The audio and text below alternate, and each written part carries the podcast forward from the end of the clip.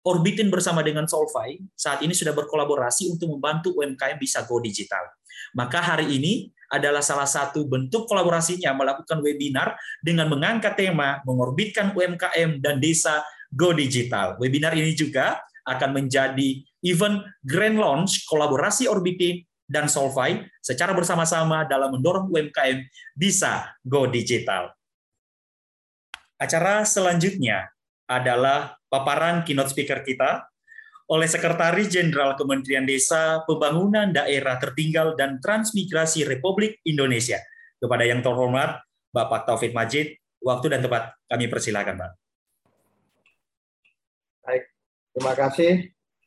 Assalamualaikum warahmatullahi wabarakatuh. Selamat pagi, shalom, salam damai sejahtera untuk kita semua. Om Swastiastu, Namo Buddhaya, salam kebajikan, salam Nusantara, dan salam Bhinneka Tunggal Ika untuk kita semua. Yang kami hormati, dan kami banggakan, kami kasihi, izin Menteri Desa, Pembangunan Daerah Tertinggal dan Transmigrasi, pada Kabinet Indonesia Kerja Pak Jokowi yang pertama, kami sapa dengan penuh hormat dan penuh kasih Bapak Eko Putro Sanjoyo. Ini agak deg-degan nih, saya tidak punya kepercayaan diri yang cukup kalau bicara di hadapan Pak Eko, Pak Menteri, karena ya mungkin ya akan saya sampaikan adalah bagian dari bahan rapi mungkin ya di semasa Pak Eko melanjutkan apa yang eh, beliau ajarkan kepada kami. Sehat selalu Pak Menteri Eko, insya Allah eh, terus sukses bersama keluarga tercinta dan tetap dalam lindungan Allah Subhanahu wa taala. Izin pertama ini mohon maaf Pak itu menyampaikan beberapa pengantar yang bisa kami sampaikan. Prof. Jimmy Gani, eh, CEO Orbitin yang kami hormati, ini bagian juga tim advisor Pak Menteri Eko dulu.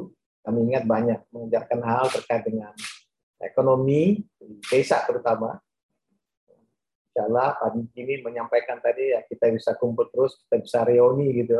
Insya Allah. Kemudian uh, Bu Ria, ya, senang sekali tadi Bu Ria sampaikan kita di Mataraman yaitu programnya Pak Eko dulu tuh ketemu Pak Wahyudin dan teman-teman Kades di uh, Jogja di Bantul. Sekarang beliau punya Pak ini punya uh, pasar Go ID yang uh, usahakan uh, warga desa yang penerima BLT ini bisa memutar ekonomi lokal di Jogja. Pak Rudi, uh, CEO atau uh, founders BUMDes YD yang kami hormati, yang setia terus dengan BUMDes. Bapak Ibu sekalian, moderator, hadirin yang mohon izin tidak bisa kami sebut satu demi satu. Para pendamping yang sempat hadir, pengelola BUMDes, yang sama-sama kita hormati dan kita banggakan izin Pak Menteri Eko, kami ingin menyampaikan beberapa hal terkait yang pertama, kita saat ini eh, di RPJMN 2020 dan 2024 ada tanggung jawab yang diberikan ke Kementerian Desa, ini juga sejak dari Pak Menteri Eko, ini ada 10.000 eh, desa yang harus dientaskan.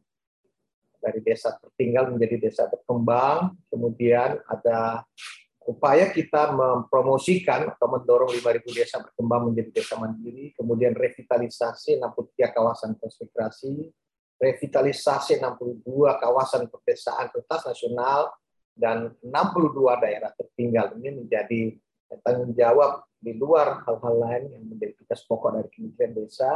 Harusnya secara kolaboratif kita ingin mendorong supaya desa-desa kita menjadi lebih baik dan menjadi lebih sejahtera Nah, meskipun demikian, kita kemudian menghadapi tantangan yang tidak ringan, ada challenging yang luar biasa, sekaligus kita menghadapi agak cukup berat. Ada tiga disrupsi saat ini. Mungkin uh, pertama disrupsi milenial, yang kedua disrupsi digital, dan yang ketiga disrupsi digital dan uh, pandemi COVID-19 ini. Jadi mulai disrupsi milenial, pandemi dan disrupsi digital. Ada tiga disrupsi yang harus ya, kita jalani karena menjadi kondisi faktual yang harus kita hadapi bersama. Nah, karena itu baik di tengah uh, disrupsi yang kami sampaikan tadi dan kebijakan di RPJMN 2020-2024, maka strategi yang harus dilakukan antara lain pertama harusnya ada peningkatan konektivitas antar wilayah di pedesaan dan antar wilayah desa dengan jaringan-jaringan uh, wilayah di perkotaan. Yang berikutnya adalah peningkatan usaha pasca panen di komunitas pertanian. 82 eh, persen desa Indonesia lah desa pertanian yang itu harus meningkatkan usahanya. Peningkatan SDM di pedesaan dan uh, kemudian ada upaya bersama untuk mendorong yang namanya digitalisasi pedesaan. Kami masuk dengan poin yang terakhir yang digitalisasi pedesaan. Hal ini inline dengan arahan Bapak Presiden untuk kita melakukan yang disebut dengan transformasi digital.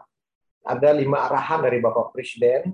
Pertama, eh, seluruh kementerian dan lembaga termasuk di pemerintah daerah harus melakukan percepatan mengakselerasi perluasan akses eh, dan peningkatan infrastruktur digital serta penyediaan internet di wilayah-wilayah desa dan kawasan pedesaan termasuk di kawasan-kawasan transmigrasi dan daerah-daerah lainnya. Ini harus terus dipercepat dan dilakukan oleh seluruh elemen masyarakat. Yang kedua, arahan Bapak Presiden persiapan roadmap terhadap transformasi digital, terutama di sektor-sektor yang sifatnya strategis, baik di pemerintahan, di layanan publik, bantuan sosial, pendidikan kesehatan, perdagangan, industri maupun di penyiaran. Jadi apa yang disebut Bapak Presiden sekarang ini pemerintahan harus digital, masyarakat harus digital, ekonomi, bisnis kita juga harus digital. Nah, ini penting, ini semua serba digital. Ini landscape baru, ekosistem uh, yang harus uh, kita hadapi bersama. Arahan beliau yang ketiga adalah percepat integrasi data pusat dan nasional. Jadi ada usaha kita untuk uh, bisa punya satu peta, punya satu data dan dengan data yang baik itu bisa menjadi dasar bagi pengambilan kebijakan. Jadi data driven to policy. Yang keempat, ya, siapkan kebutuhan bagi SDM atau talenta digital. Nah, ini perintah Bapak Presiden juga yang harus kita lakukan.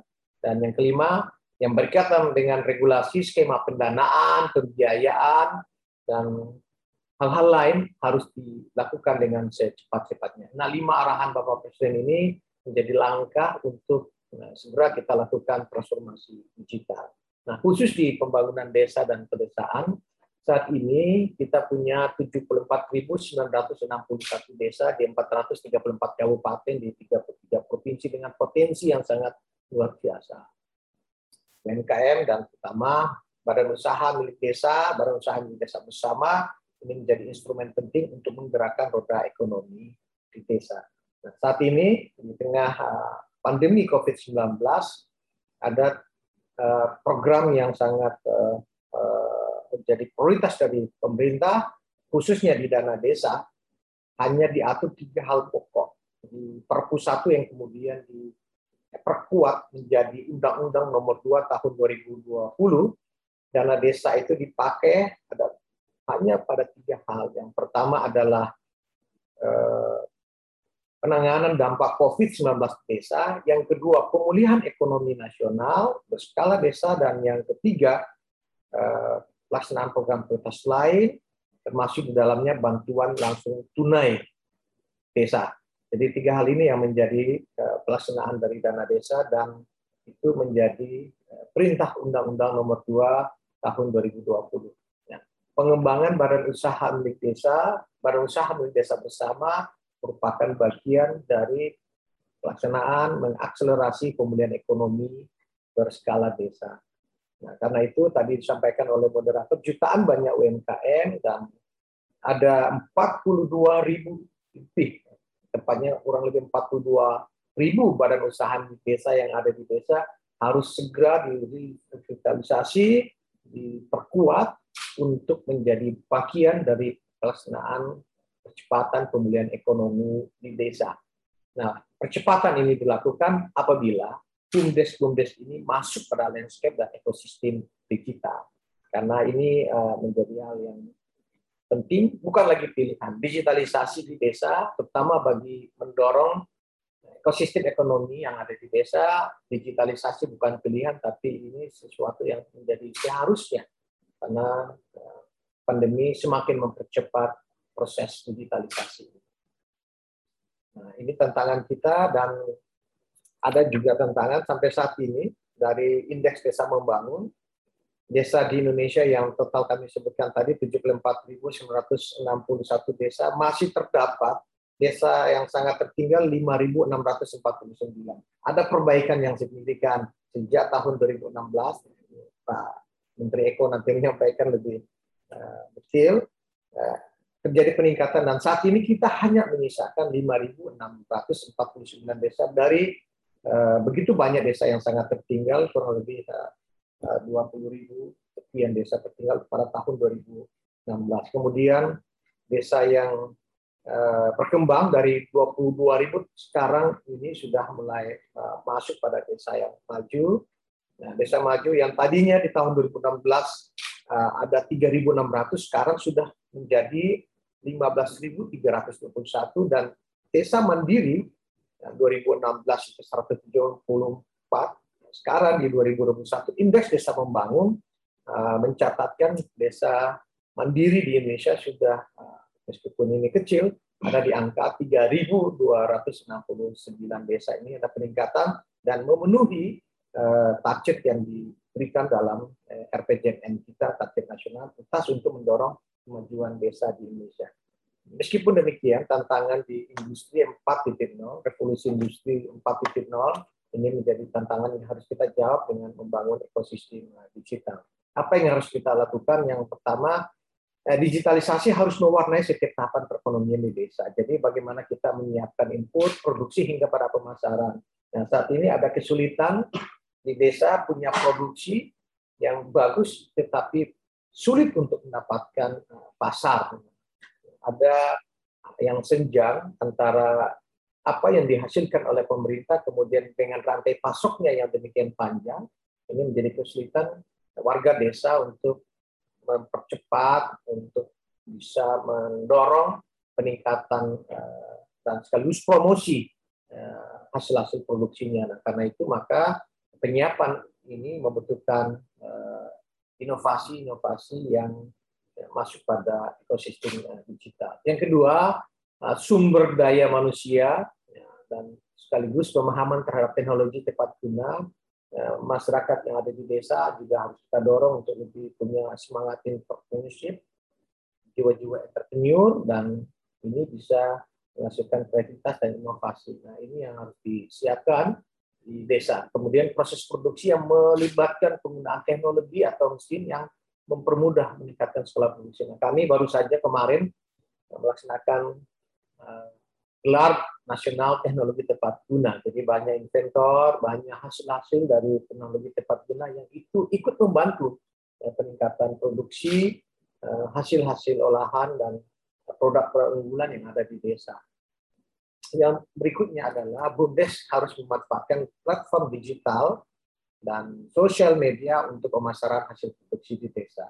Nah, kami bergembira dengan Undang-Undang Cipta Kerja, BUMDes yang Tadinya hanya badan usaha biasa, kemudian diperkuat di Undang-Undang Cipta Kerja menjadi badan hukum. Jadi BUMDes dan BUMDes bersama tentu saja merupakan sebuah entitas hukum baru yang sama persis posisi dan kedudukannya dengan PT maupun koperasi sebagai eh, badan hukum di luar badan usaha yang bisa bermitra dengan siapa pun ada kesulitan dulu Pak Menteri Eko lebih tahu kesulitan ketika positioning BUMDes tidak sebagai badan hukum atau untuk melakukan ekspansi usaha ada hambatan mewakili siapakah BUMDes dan seterusnya. Nah, saat ini diperkuat oleh Undang-Undang Cipta Kerja, ditindaklanjuti dengan peraturan pemerintah tentang pembinaan BUMDes, pendirian dan seterusnya.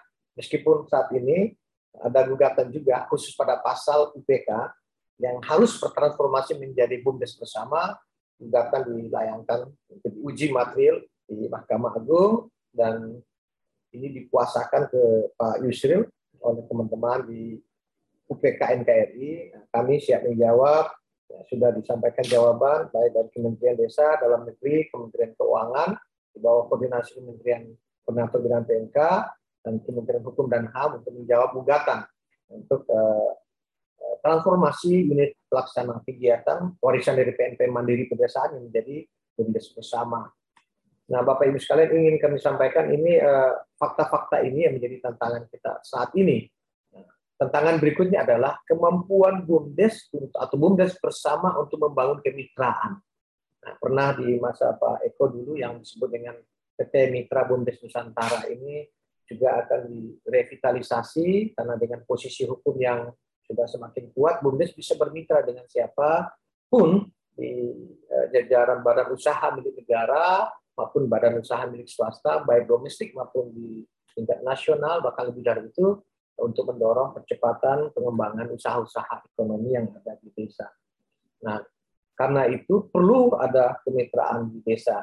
Kami senang sekali dengan inisiatif dari Pak Jimmy dan Bapak Ibu sekalian, kemitraan ini terus kita bangun, termasuk kemitraan dengan uh, kalangan perguruan tinggi, ada Perkides yang bisa membantu dengan konsep dan skema Merdeka Belajar, kampus Merdeka dan seterusnya itu eh, bisa mendampingi dan mengaplikasi desa lewat eh, program-program studi yang ada, terutama di bidang ekonomi, ya, perguruan tinggi bisa mendampingi desa, ada dari program-program studi IT, atau yang akuntansi dan seterusnya mendampingi desa, mendampingi BUMDes dan seterusnya. Juga di Kementerian Lembaga kami dengan uh, Bakti, ya, Kominfo, ada fasilitasi kemitraan dengan membangun uh, berbagai macam sarana untuk menyediakan layanan internet bagi desa. Nah, ini penting untuk uh, dilakukan. Nah, Bakti sudah Nah, berapa kali dengan Kementerian Desa turun ke area-area black spot, di, terutama di kawasan timur Indonesia, kita punya potensi sumber daya yang besar, tapi ini tidak diolah dengan baik. Ternyata soal besarnya adalah uh, aksesibilitas masyarakat terhadap uh, sumber daya ini uh, terbatas sekali di bidang uh, apa namanya telekomunikasi. Nah, karena itu capacity building terus dibangun, banyak operator-operator seluler yang punya kegiatan pelatihan yang terintegrasi, baik dari aspek bisnisnya, marketingnya, maupun dari aspek sosial dan tekniknya, oleh Bakti Desa dan Kementerian Desa dan pemerintah daerah ini terus kita bangun. Kemudian di samping capacity building juga ada konektivitas. Nah, ini juga dibangun. Kita sudah punya palaparing dan seterusnya. Kenapa ini tidak dimanfaatkan dengan baik? Kemudian monetisasi menuju pertumbuhan ekonomi digital, desa juga harus memanfaatkan ICT sebagai bagian dari kegiatan ekonomi sehari-hari. Nah, maksud dari upaya kemitraan yang dibangun bersama dengan Bakti Kominfo ini supaya tadi yang kami sebut di awal, ekosistem digital desa ini bisa mendorong tumbuhnya ekonomi digital yang kuat, yang ujungnya adalah mesejahterakan masyarakat di mana semana maksud dari undang-undang desa kita ingin supaya tujuan dari ya, pembangunan desa itu peningkatan kesejahteraan, kualitas hidup warga di desa, dan yang paling penting menjadikan masyarakat atau warga desa itu menjadi pelaku utama dari ekonomi. Dia sebagai penyuplai dari uh, seluruh urusan-urusan pertumbuhan ekonomi hari masyarakat, hasilnya bisa dimanfaatkan oleh masyarakat dan pada ujungnya kita bisa melaksanakan mandat dari konstitusi kita melindungi bangsa Indonesia, seluruh tumpah darah Indonesia dan seterusnya. Nah ini ternyata harus kita mulai dari aspek-aspek yang sifatnya sangat ekonomi dan sangat digital. Nah, tantangan kita di sana, Bapak Ibu sekalian, dan kami berterima kasih atas inisiatif ini. Nah, semoga uh, inisiatif ini bisa membantu desa dan kita juga mengupayakan ini desa yang cukup banyak, masih ada beban desa yang tertinggal dan sangat tertinggal. Ini kami berusaha supaya bisa desa-desa yang sudah maju bisa kisah suksesnya, sukses story-nya ini bisa direplikasi di desa-desa yang lain di seluruh uh, penjuru tanah air. Bapak Ibu sekalian, mohon izin Pak Eko dan uh, teman-teman pendamping desa pengelola BUMDes yang kami hormati, mudah-mudahan apa yang kita lakukan ini bagian dari upaya kita bersama, literasi yang kita lakukan, literasi digital yang kita lakukan, dengan pengembangan dan pemahaman yang terus kita berikan kepada masyarakat nah, sehingga bisa lebih eh, baik lagi. Nah, satu hal yang mau kami sampaikan saat ini ada kampanye pemerintah dengan bangga buatan Indonesia.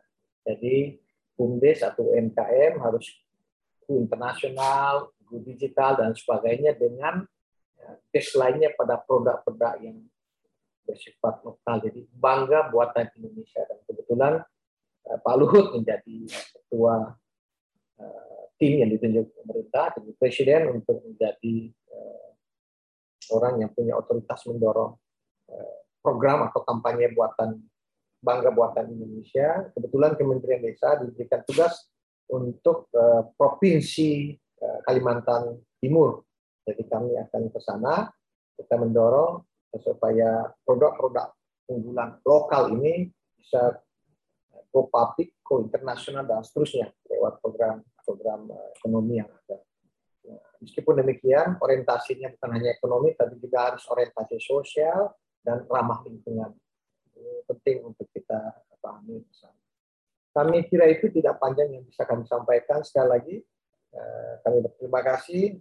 Semoga usaha kita bersama ini bukan bagian dari mendorong terus pemberdayaan masyarakat, khususnya di bidang ekonomi, sehingga kesejahteraan masyarakat bisa segera kita penuhi, desa-desa bisa cepat sejahtera, bisa lebih baik dengan ukuran-ukuran peningkatan satu, pendapatan per kapita masyarakatnya, kepemilikan aset masih meningkat, dan yang paling penting kapasitas warga desa dan kapasitas desa bisa lebih baik dari waktu-waktu yang lalu. Demikian kami bisa sampaikan pokok-pokok pengantar ini.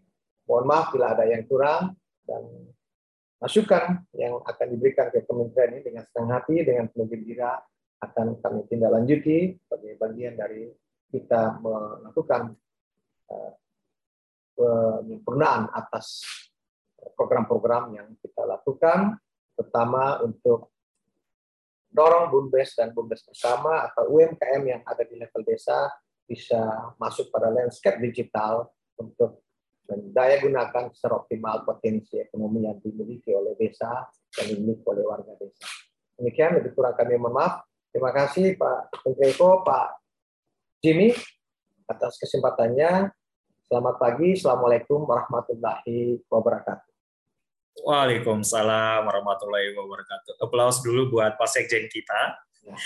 Tapi eh, permintaan ini Pak Sekjen, mohon izin apakah masih berkenan bisa menampung satu pertanyaan aja Pak Sekjen? Oh, boleh, boleh, siap. Wah, ini buat Bapak Ibu, para UMKM, BUMDes yang sudah bergabung, silakan di reaction Zoom-nya, di reaction itu, raise hand, satu pertanyaan yang cepat kita bisa menyampaikan pertanyaan kepada Pak Sekjen. Dengan cepat. Nah, Pak Eko Kurniawan, keren. Pak Eko Kurniawan bisa uh, on kamera. Pak Eko, dipersilakan Pak Eko, mohon maaf. Dipersilakan on kamera. Baik, dengan pertanyaan yang singkat, Pak Eko, silakan per sampaikan pertanyaan kepada Pak Sekjen. Dipersilakan Pak Eko. Oke, terima kasih Pak Selamat pagi, salam kenal Pak Sekjen. Kami dari Sidoarjo, Surabaya, wilayah Surabaya. Oke, terima kasih pertanyaan saya Pak Sekjen. Nah, bagaimana program-program uh, BUMDES-nya bila tidak berjalan di era global ini dan di masa digital ini? Ya, gitu aja pertanyaan saya dengan singkat. Oke, terima kasih Pak Sekjen. Assalamualaikum warahmatullahi wabarakatuh. Langsung Pak Sekjen, oh, satu, baik. Ya. silakan. Ya. Mohon izin baik, Pak Sekjen. Terima kasih. Uh, ini pertanyaan uh, penting dan ini sudah dilakukan. Mohon izin nanti Pak Eko bisa me, akan lebih memper, memperjelas. Ya, pertama bahwa bumdes kita tidak maju karena satu tata kelola bumdes yang kurang baik.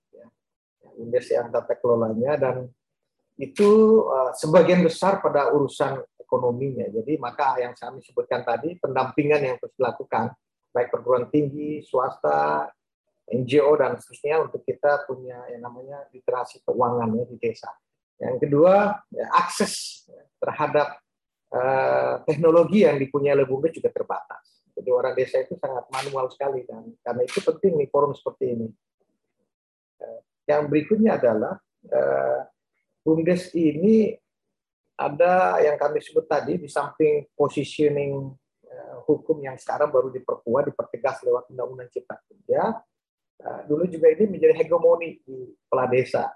Jadi BUMDes ini masih menjadi eh, apa namanya urusan kepala desa yang itu tidak diatur secara baik. Misalnya mohon izin bahasa sederhananya adalah orang yang duduk di dalam uh, pengelolaan BUMDes itu tempat lain banyak yang kami bisa sebut itu hanya menjadi otoritas kepala desa tanpa mempertimbangkan orang yang duduk mengelola BUMDes itu punya kualifikasi minimal punya kemampuan punya skill untuk mengelola BUMDes.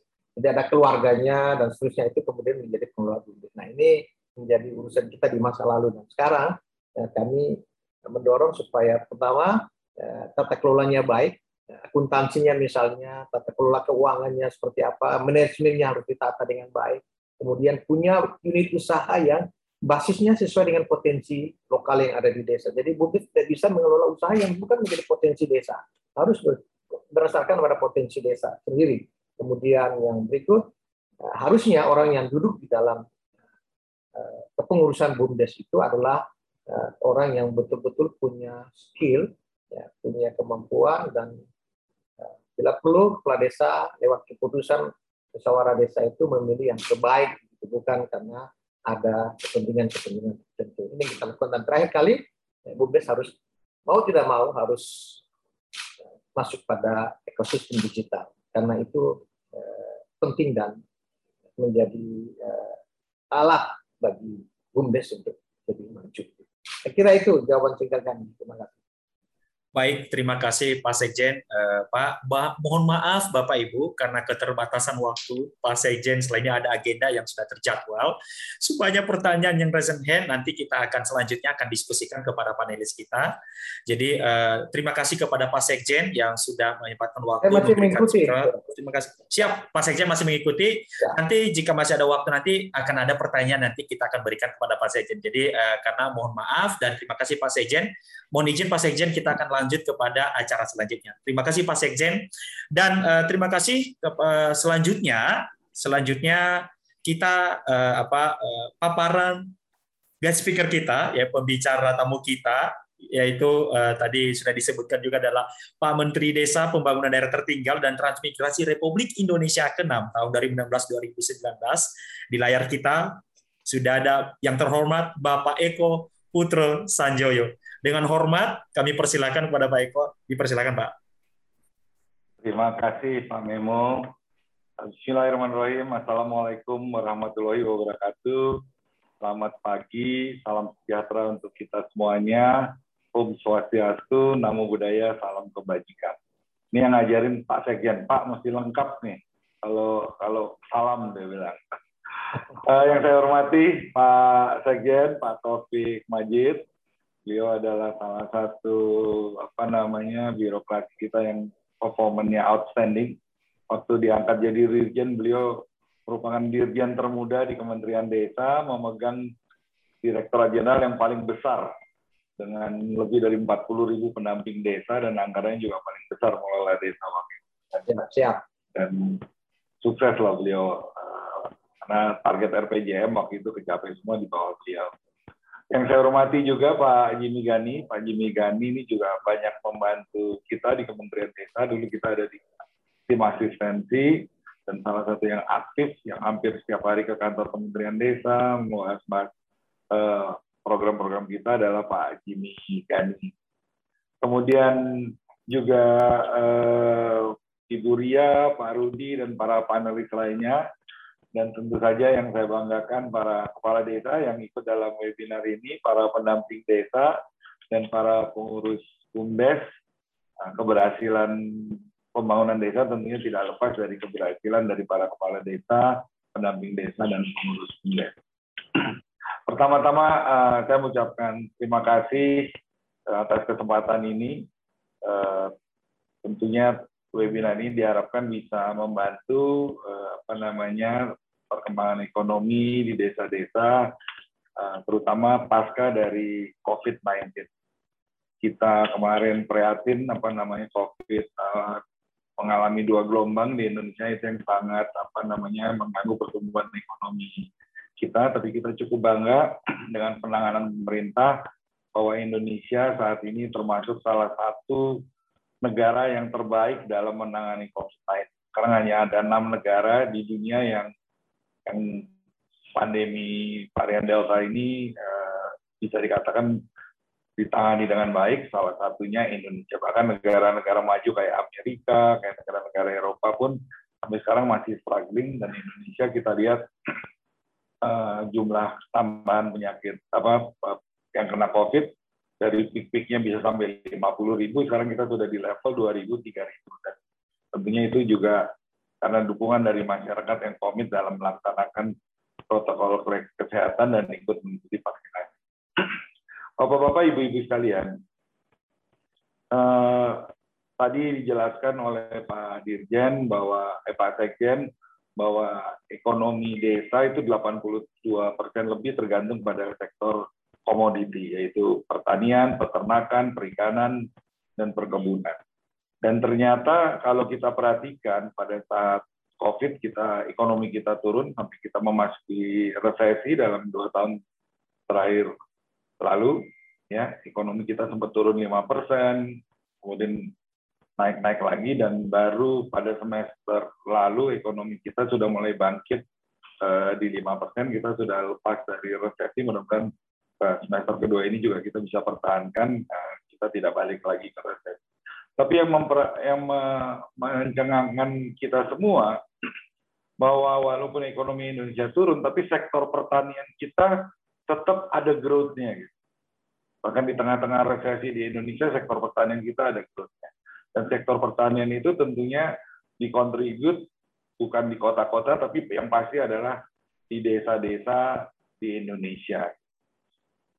Nah, eh, sekarang dengan dengan dengan ppkm mulai diperlonggar orang juga udah mulai jenuh apa namanya eh, di rumah gitu saya yakin sektor pariwisata ini akan meledak.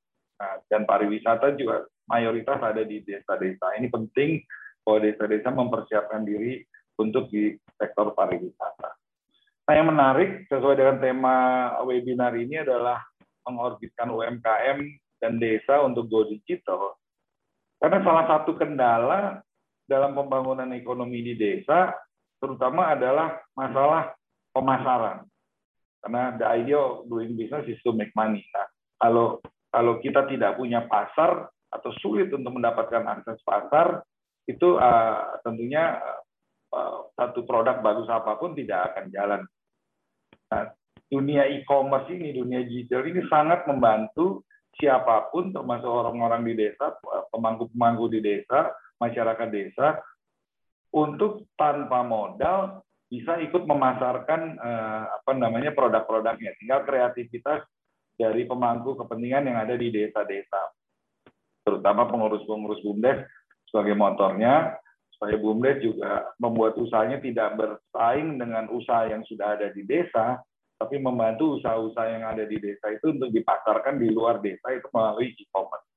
Di China melalui e-commerce Taobao itu tahun lalu eh, bisa menjual produk-produk desa di China bukan hanya di domestik di China yang saja tapi juga keluar negeri itu lebih dari 430 ribu 430 miliar US dollar itu kira-kira Eh, empat ribu triliun ya. Itu lebih lebih besar dari APBN Indonesia saat ini. Ya, tentunya China negara besar lah.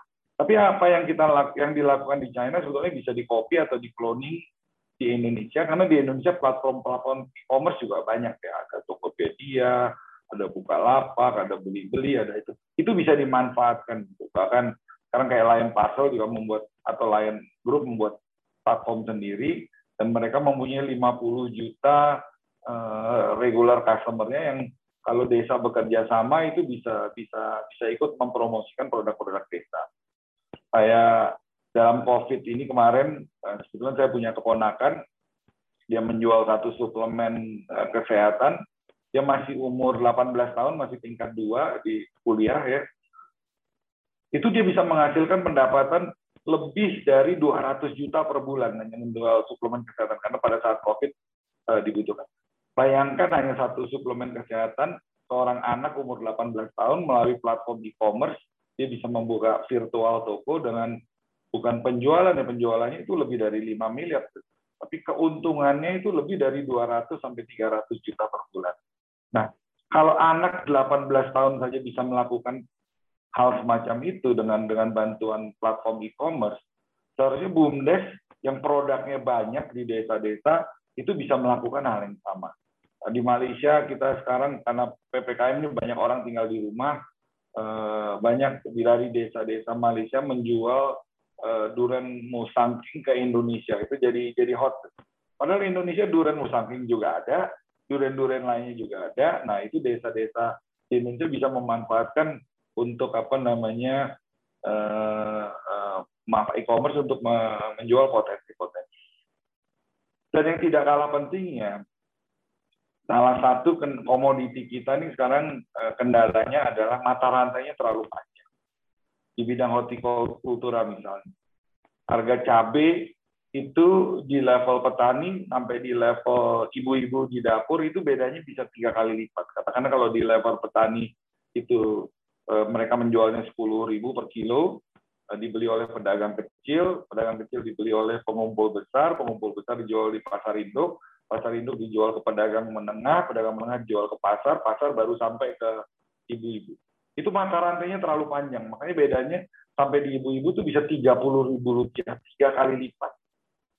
Nah, padahal ini bisa dipotong kalau bumdes-bumdes misalnya mengumpulkan produk-produk misalnya seperti cabai, dan mungkin bisa disortir dari grade A, grade B, grade C, mungkin bisa di packaging eh, seperempat kilo, seperempat kilo supaya ibu-ibu bisa membeli eh, kalau udah di packaging seperempat kilo, dan sekarang ongkos kirim juga murah sekali, ke, dari desa-desa ke kota-kota. Itu bisa one day delivery.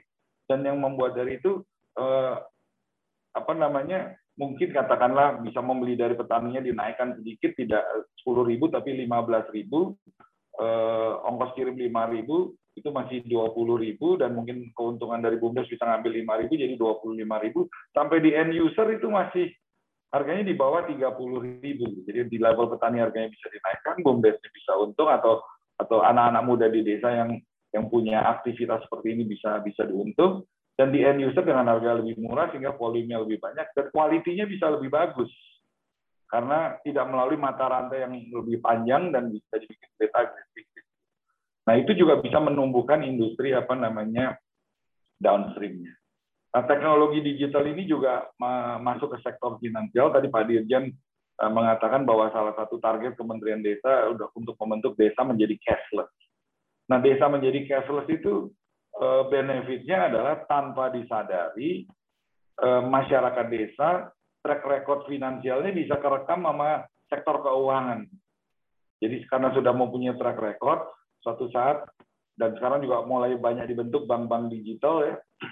Suatu saat kalau mau pinjam uang atau butuh akses finansial, itu tidak perlu harus ada assessment lagi karena track recordnya sudah terrekod secara digital. Jadi jadi nah ini penting sekali eh, para kepala desa, para para pengurus bumdes, pendamping desa untuk eh, apa namanya mengintroduce eh, teknologi e-commerce, teknologi digital, e-finance dan lain sebagainya ke masyarakat desa. dan akan banyak produk-produknya. Kayak uh, saya bantu beberapa pegawai di Kementerian Desa yang kebetulan mereka punya akses di sumber udang, di sumber ikan, di sumber apa saya posting di Instagram saya sampai mereka overloaded gitu, udah nggak bisa terima uh, apa namanya orderan lagi. Itu padahal baru di Instagram satu orang. Bagaimana kalau masuk ke e-commerce? Jadi itu akan bisa besar sekali. Jadi uh, harusnya ya karena desa juga base per kapita GDP juga masih kecil uh, dengan bantuan e-commerce ini pertumbuhan ekonomi di desa akan menjadi lebih besar dan hampir 50% penduduk Indonesia itu ada di desa sehingga desa di tengah masa recovery ekonomi ini menjadi motor pembangunan ekonomi Indonesia. Uh, yang tidak kalah pentingnya lagi, seperti saya katakan lagi, sektor pariwisata itu ini akan meledak nih karena orang sudah jenuh. Mungkin mulai dari pariwisata lokal karena uh, asing masuk ke Indonesia masih dibatasi karena kita masih harus mencegah jangan sampai ada gelombang kedua, ketiga daripada COVID-19 ini.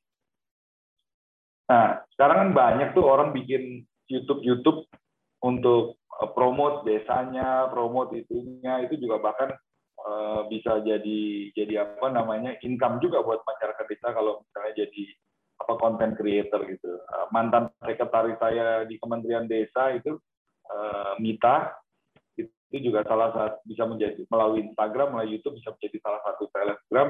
Itu mereka dia sekarang juga membantu e-commerce, membantu keripik-keripik gitu ya. Itu penjualan keripiknya satu bulan bisa 8.000 box hanya dengan konten creator saja. Nah, saya yakin uh, di desa banyak orang-orang yang bisa kreatif kayak Mita. Kita sekarang mungkin pendapatannya dari dari konten creator aja dari e-commerce-nya itu bisa di atas 200 juta juga.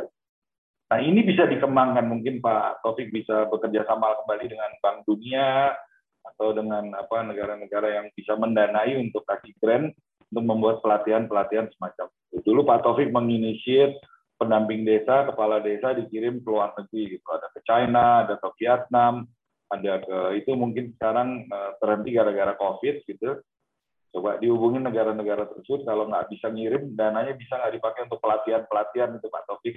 Ya, terutama pelatihan digital supaya e-commerce-nya bisa jalan. Nah, sektor pariwisata ini akan memberikan uh, Indonesia juga nanti ekonomi juga akan akan sebagian besar drive dari sektor pariwisata.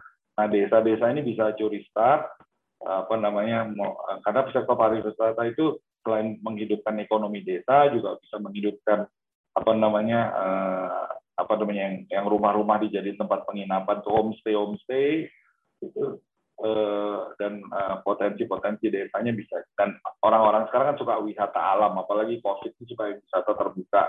Mungkin program wisatanya kayak mountain bike kayak hiking kayak keluarga-keluarga muda itu bisa apa namanya bagaimana keluarga bisa ikut nanam padi di sawah, nanam jagung di sawah, belajar masak, belajar nari. Itu kan nggak perlu modal besar untuk bumdes-bumdes uh, menciptakan itu bekerja sama dengan masyarakat dengan homestay homestay dan paket itu bisa terjangkau karena sekarang juga pendapatan golongan menengah juga otomatis terpukul tapi mereka kebutuhan pariwisata itu tidak bisa dibendung karena mereka udah stres levelnya tinggi karena di rumah terus Ya, saya dengar juga tingkat perceraian juga naik gara-gara gara-gara work from home gitu, karena tiap hari ketemu berantem terus gitu. Ya apa namanya, ah, mudah-mudahan desa juga bisa mengurangi potensi perceraian yang ada di Indonesia ini dengan pariwisatanya. Nah, eh, tentunya sektor digital itu bisa membantu dalam hal promosi, dalam hal pemasaran, baik di dalam negeri maupun di luar negeri karena TKI kita di luar negeri ada 8 juta orang. Jadi produk-produk makanan desa, saya lihat di beberapa desa juga udah bisa bikin produk makanan yang dikalengkan, itu juga bisa diekspor. Uh, apa namanya uh, di bidang distribusi uh, karena pro uh, startup e-commerce kita ini sekarang udah lengkap dengan distribusi dan finansialnya gitu. Jadi masyarakat desa atau bumdes tidak perlu memikirkan hal itu bisa memanfaatkan yang sudah disediakan oleh pelayanan e-commerce yang ada di Indonesia. Eh, dalam hal pembayaran dan terutama produk-produk yang bisa dipromosikan apa aja? Tentunya sektor pertanian. Kayak apukat yang dari satu desa di NTT saya lupa namanya apa. Sekarang di community saya itu mereka rajin beli melalui e-commerce apukat tersebut. Itu Pak Taufik juga yang mempromosikan kalau nggak salah. Nah, dulu waktu saya jadi menteri nggak pernah dikirimin makanan sama Pak Taufik. Begitu saya nggak jadi menteri saya dikirimin uh, sering dikirimin kepiting kenari gitu. Nah itu juga kalau dipromot ke e-commerce itu bisa laku. Karena kayak Lion Air itu di Manado dia membuat satu satu program untuk turis dari China. Itu dengan 2 juta rupiah bisa terbang dari kota dari China ke Manado plus nginep tiga hari padahal biaya pesawatnya aja nggak nggak nggak nggak nggak dapet ke 2 juta plus tambah nginep dua hari nah Lion Air untungnya dari mana? Turis yang dari China datang itu beli produk-produk Indonesia untungnya dari situ kayak kepiting uh, dari yang dari Indonesia Timur yang yang, yang langka itu uh, apa namanya mereka bisa beli dengan harga 200 ribu tapi dijual ke turis dengan harga 2 juta rupiah. Jadi untungnya di situ. Nah kalau pakai e-commerce sekarang turis nggak bisa datang ke sini kan tetap bisa kita layani turis-turis dari China itu dengan produk-produk eksotik kita ikan-ikan kita dan lain sebagainya gitu. Kemudian sektor kerajinan yang tidak kalah pentingnya juga eh, kesenian itu itu bisa konten dan yang tidak tidak tidak kecil itu konten kreator. Eh, ekonomi Korea itu sekarang kalau saya tidak salah coba tolong dicek itu 20% di drive dari eh, apa namanya yang ada arminya ada itu yang dari dari penyanyi penyanyi Korea lah gitu kira-kira ya. Eh, dari nah di desa itu potensinya besar sekali. Nah, orang desa kreatif. Jadi konten creator di desa itu juga uh, perlu ditingkatkan. Dan saya yakin sekali kalau desa bisa benar-benar memanfaatkan digital uh, desa itu akan menjadi pendorong ekonomi kreasi di Indonesia karena mungkin yang besar-besar di kota itu perlu waktu karena mereka mungkin bisa default dengan banknya, perlu restructuring. Kalau di desa kan tidak ada beban, tidak ada utang, tidak perlu restructuring, jadi bisa menjadi lebih cepat dalam uh, membantu ekonomi recovery Indonesia. Mudah-mudahan uh, webinar ini bisa memberikan pencerahan uh, dari narasumber-narasumber nantinya untuk desa lebih mengenal lagi tentang teknologi digital dan memanfaatkan uh, apa namanya media e-commerce dan digital untuk uh, bisa mengembangkan potensi desa uh, di pasca dari COVID-19. Demikian yang bisa saya sampaikan, lebih kurangnya saya mohon maaf. Wassalamualaikum warahmatullahi wabarakatuh. Waalaikumsalam warahmatullahi wabarakatuh. Terima kasih Pak Menteri, eh, Pak luar biasa materi yang apa sangat apa ada beberapa catatan saya dan ini semuanya Eh, sudah mewakili menambahkan dari tadi Pak Sekjen luar biasa dan mohon izin Pak Menteri apa bisa menyediakan satu pertanyaan Pak kepada para peserta? Wah, ayo Bapak Ibu raise hand lagi yang cepat yang mau bertanya kepada Pak Menteri Eko raise hand. Ayo Bapak Ibu, siapa yang cepat? Nih, tunggu ya. Nah, Pak Gunawan ya, Pak Gunawan, silakan. Uh, Oke, okay, bisa dibantu untuk bisa uh, unmute suaranya. Oke, suaranya bisa di unmute, bisa langsung menyampaikan pertanyaan kepada Pak Menteri dengan eh, Pak, eh, Pak tegas dan pertanyaannya ya, dipersingkat ya Pak dengan Silakan Pak Gunawan. Iya, terima kasih Bapak. Uh, selamat pagi Pak Menteri, Pak Joko. Selamat pagi Pak Gunawan. Iya, ini Pak saya dari Bangka Belitung Pak. Dari Bangka Belitung. Kebetulan saya sebagai PSM atau penggerak swadaya masyarakat. Nah, identik dengan apa yang kita bicarakan hari ini menyangkut terkait BUMDes, itu kan eh, di lapangan itu kan sangat sangat apa ya sangat kompleks ya persoalannya itu. Pertama kalau di, di sisi desanya adalah bahwasanya desa itu belum belum paham terkait masalah sumber daya yang unggulan mereka itu ke mana itu mereka belum paham. Terus yang, ber, yang kedua istilahnya itu mereka untuk berinisiasi akhirnya juga sangat kurang karena memang pemahamannya masih kurang. Nah, untuk itu mestinya kan perlu ada pendampingan, Pak. Pendampingan termasuk kalau di PDDT itu ada pendamping desa, kalau di daerah di pusat pun ada ya istilahnya penggerak swadaya masyarakat. Nah, itu cuman persoalannya sekarang Pak Menteri itu untuk eh, pendamping desa dengan pendamping sebagai PSM itu ternyata kok belum belum connect sedemikian rupa sehingga akhirnya cara kerja kita itu untuk memaksimalkan desa itu belum bisa maksimal. Nah, mungkin pertanyaannya adalah nah supaya bisa maksimal tentu saja kan harus diikuti infrastruktur yang harus diikuti dalam pembangunan desa dan terkhusus BUMDesnya itu sendiri. Nah, itu Pak Menteri. Mohon mohon kiranya arahannya. Terima kasih. Ya, terima kasih Pak Gunawan. Jadi memang seperti Pak Sekjen katakan tadi, eh, salah satu kendala kenapa tidak semua BUMDes sukses adalah masalah eh, ketersediaan sumber daya manusia yang ada di desa. Karena BUMDes itu bagaimanapun juga adalah lembaga usaha yang orientasinya profit, tapi profitnya dipakai untuk eh, membangun desa gitu. Kalau kalau perusahaan kan profitnya dipakai untuk memperkaya pemegang saham, kalau BUMDes eh, untuk itu desa tapi juga banyak bumdes-bumdes yang sukses. Dan bumdes-bumdes yang sukses itu memberikan pelatihan juga. Misalnya kayak desa Ponggok itu uh, memberikan pelatihan. Desa Kutuh di Bali. Kayak desa Ponggok itu pendapatannya itu udah puluhan miliar. Keuntungannya juga udah puluhan miliar. Itu desa Kutuh juga saya dengar pendapatannya tahun lalu udah 80 miliar lebih dengan keuntungan lebih dari 20 miliar.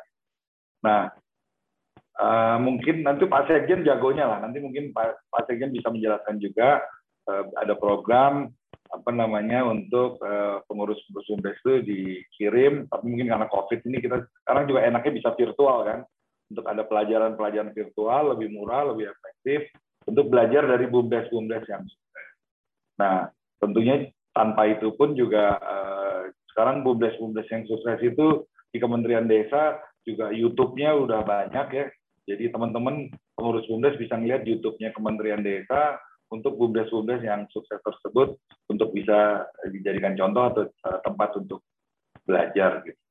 Nah, tentunya bukan hanya bumdes, masyarakat desa ini pada pendamping desa juga perlu untuk menggerakkan untuk di, dibuka untuk agar melek digital, melek e-commerce, sehingga mereka juga bisa memasarkan produk-produknya melalui e-commerce. Tapi benar yang dikatakan Pak Gunawan, pelatihan itu sangat penting. Eh, saya yakin Kementerian Desa punya program untuk pelatihan itu. Mungkin sekarang agak terkendala akibat COVID, tapi COVID ini juga memberikan pelajaran kepada kita bahwa ternyata kita bisa meeting virtual yang efektif. Mungkin pelatihan-pelatihan itu bisa dilakukan secara virtual. Nah, webinar seperti yang dilaksanakan oleh Orbit ini juga mudah-mudahan bisa membantu teman-teman untuk uh, bisa memanfaatkan uh, teknologi digital ini untuk uh, bagaimana mengembangkan potensi yang ada di desa-desanya. Begitu Pak Gunawan?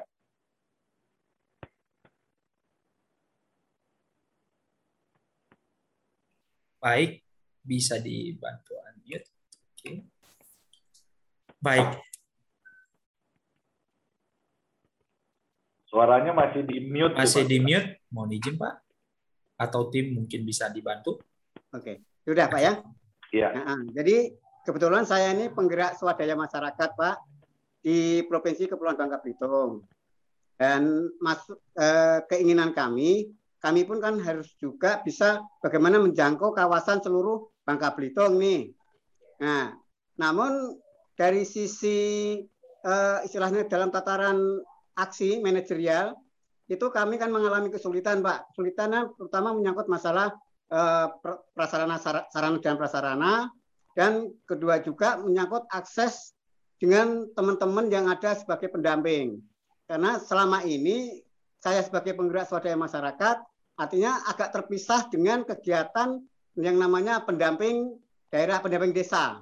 Baik itu dari tingkat provinsinya, kabupatennya, maupun dari kecamatan maupun desanya. Nah, maksud kita itu nanti dari Kementerian PDDT-nya itu kalau bisa ya bagaimana cara mengkoneksikan kedua hal ini supaya nanti efektif di dalam pelaksanaannya membangun desa itu.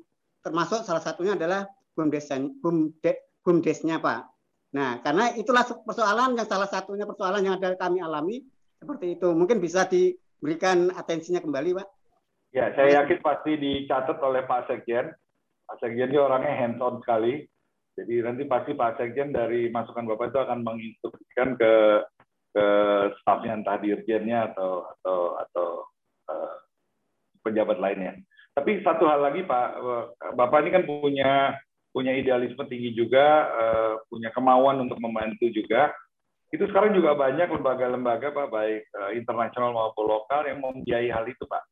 Jadi coba Bapak browsing di kayak misalnya Bank Dunia, kayak IFAD, kayak uh, dari Australia juga ada gitu. Coba Bapak mengajukan proposal supaya Bapak juga bisa didanai uh, oleh itu. Atau mungkin nanti Pak Sekjen juga bisa melingkan lembaga-lembaga yang yang concern dengan NGO-NGO semacam Bapak itu Pak supaya supaya jadi Bapak tidak tergantung gitu. Kalau saling nunggu nanti uh, susah karena mungkin mereka ada polisi sendiri, Bapak ada polisi sendiri.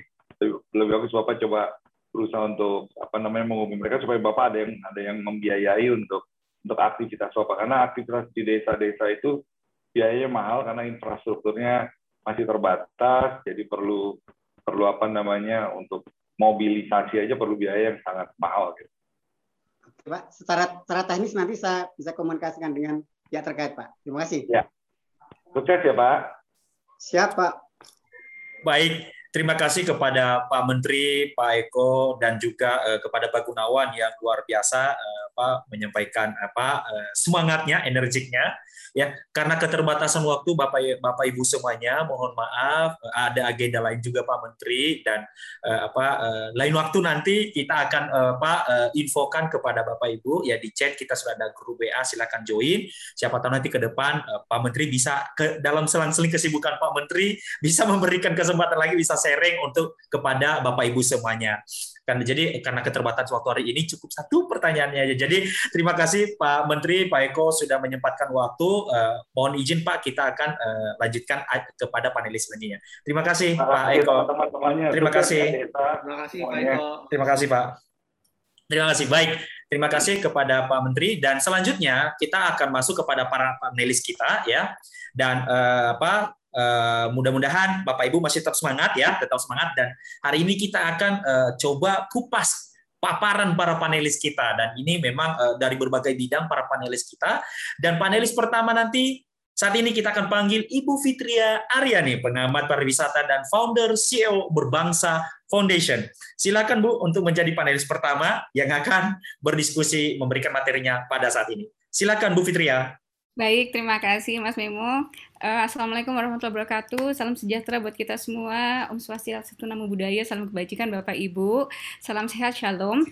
Uh, selamat siang atau selamat pagi menuju siang, Pak Eko, Pak Menteri apa kabar? Sehat selalu, senang banget Tri bisa ketemu Bapak hari ini. Juga ada Pak Sekjen, Pak Taufik, yang waktu itu diskusi panjang lebar. Ada Mas Rudi, sahabat saya di Mataraman pertama kali. Terus ada teman baru, ada uh, Pak Erik, Pak Jimmy, yang kita juga baru ketemu di sini. Yang pasti juga ada Mas Memo. Bapak Ibu, kalau misalnya boleh, Ria boleh izin share, uh, share screen, boleh? Boleh ya? Dipersilakan Bu, dipersilakan. Oke, okay. sip um, ini kalau misalnya boleh sebentar. Oke, ini play dulu ya sebentar. Bapak Ibu, kalau misalnya bicara soal go digital kayaknya udah kita udah sekarang 4.0 itu udah lewat. Yang sekarang ini kita udah malah mau menuju 5.0. Jadi otomatis memang benar deh kalau misalnya kita bilang go digital buat semuanya itu harus semangat tingkat tinggi. Tadi Pak Eko sudah bicara seperti itu, tadi Pak Taufik juga sudah bicara seperti itu. Memang gimana caranya supaya UMKM desa-desa terutama desa wisata bisa go digital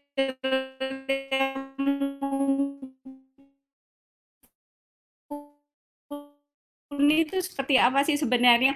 Ini karena waktunya cukup ya, padahal tadinya mau buat 6 slide, tapi ternyata banyak. How COVID-19 itu change everything. Ternyata betul loh. Ada yang bilang kalau misalnya COVID-19 ini apakah berkah atau sebenarnya musibah. Nah ini sebenarnya menjadi kata-kata yang mesti diperhatikan juga. Karena ternyata kalau kita lihat, ternyata dengan adanya COVID ini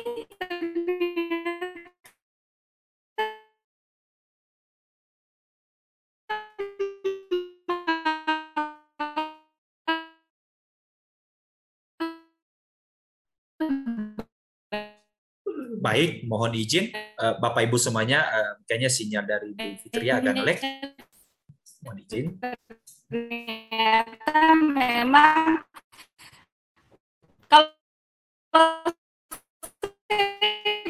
bilang ini suaranya halo halo bu ya mohon maaf bu halo? agak sedikit suara luar uh, sedikit keputus ngelek bu oh, oh ini masih putus-putus Uh, tadi sekarang ini ya smooth sih. Masih... Mungkin nggak apa-apa bu kalau uh, Pak dicoba di close lainnya dulu, dicoba diulang dulu. Mohon izin bu, agak sedikit keputus bu. Ah oke. Okay. Ini tapi sekarang udah oke. Okay. Udah oke, okay, udah oke okay, bu sih. Siap. Silakan bu, lanjutkan bu. Siap. Oke. Okay. Gak apa-apa kita coba lagi ya. Jadi ini tadi, aduh mohon maaf. Ini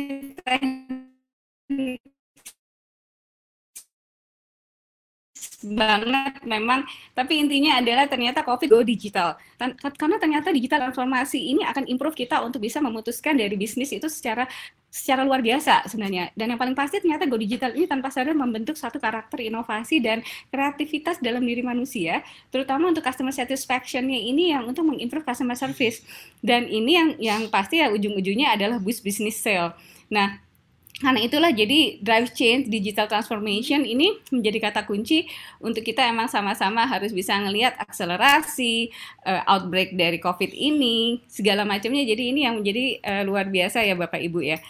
Lalu uh, kalau misalnya kita ngelihat um, terus ini aduh mohon maaf ini jadi kalau misalnya kita lihat halo uh, suara saya masih ada? Sibuk, smooth. Oke. Okay. Uh, ini uh, slide-nya yang agak sedikit. Okay. Mohon maaf. Jadi kita bisa melihat bahwa drive change with digital transformation di 2021 ini menjadi kata kunci kita untuk melangkah lebih jauh. Jadi kalau misalnya dibilang apa sih maksudnya digital transformation is underway? Jadi kita mesti ngelihat yang tadi disruption itu benar-benar harus kita memang ternyata sekarang itu menghadapi yang namanya disruption. Lalu uh, transformation di operation IT itu menjadi kata kunci juga yang sangat tinggi 54% untuk semuanya dan yang paling penting adalah planning major digital transformation untuk setiap tahun ke depannya itu menjadi kata kunci. Dan yang paling penting adalah mesti ada leader-leaders yang sangat memahami tentang digital transformation ini dari business role, IT roles-nya, dan yang paling penting adalah project orientation-nya juga mesti clear and distinct related to digital.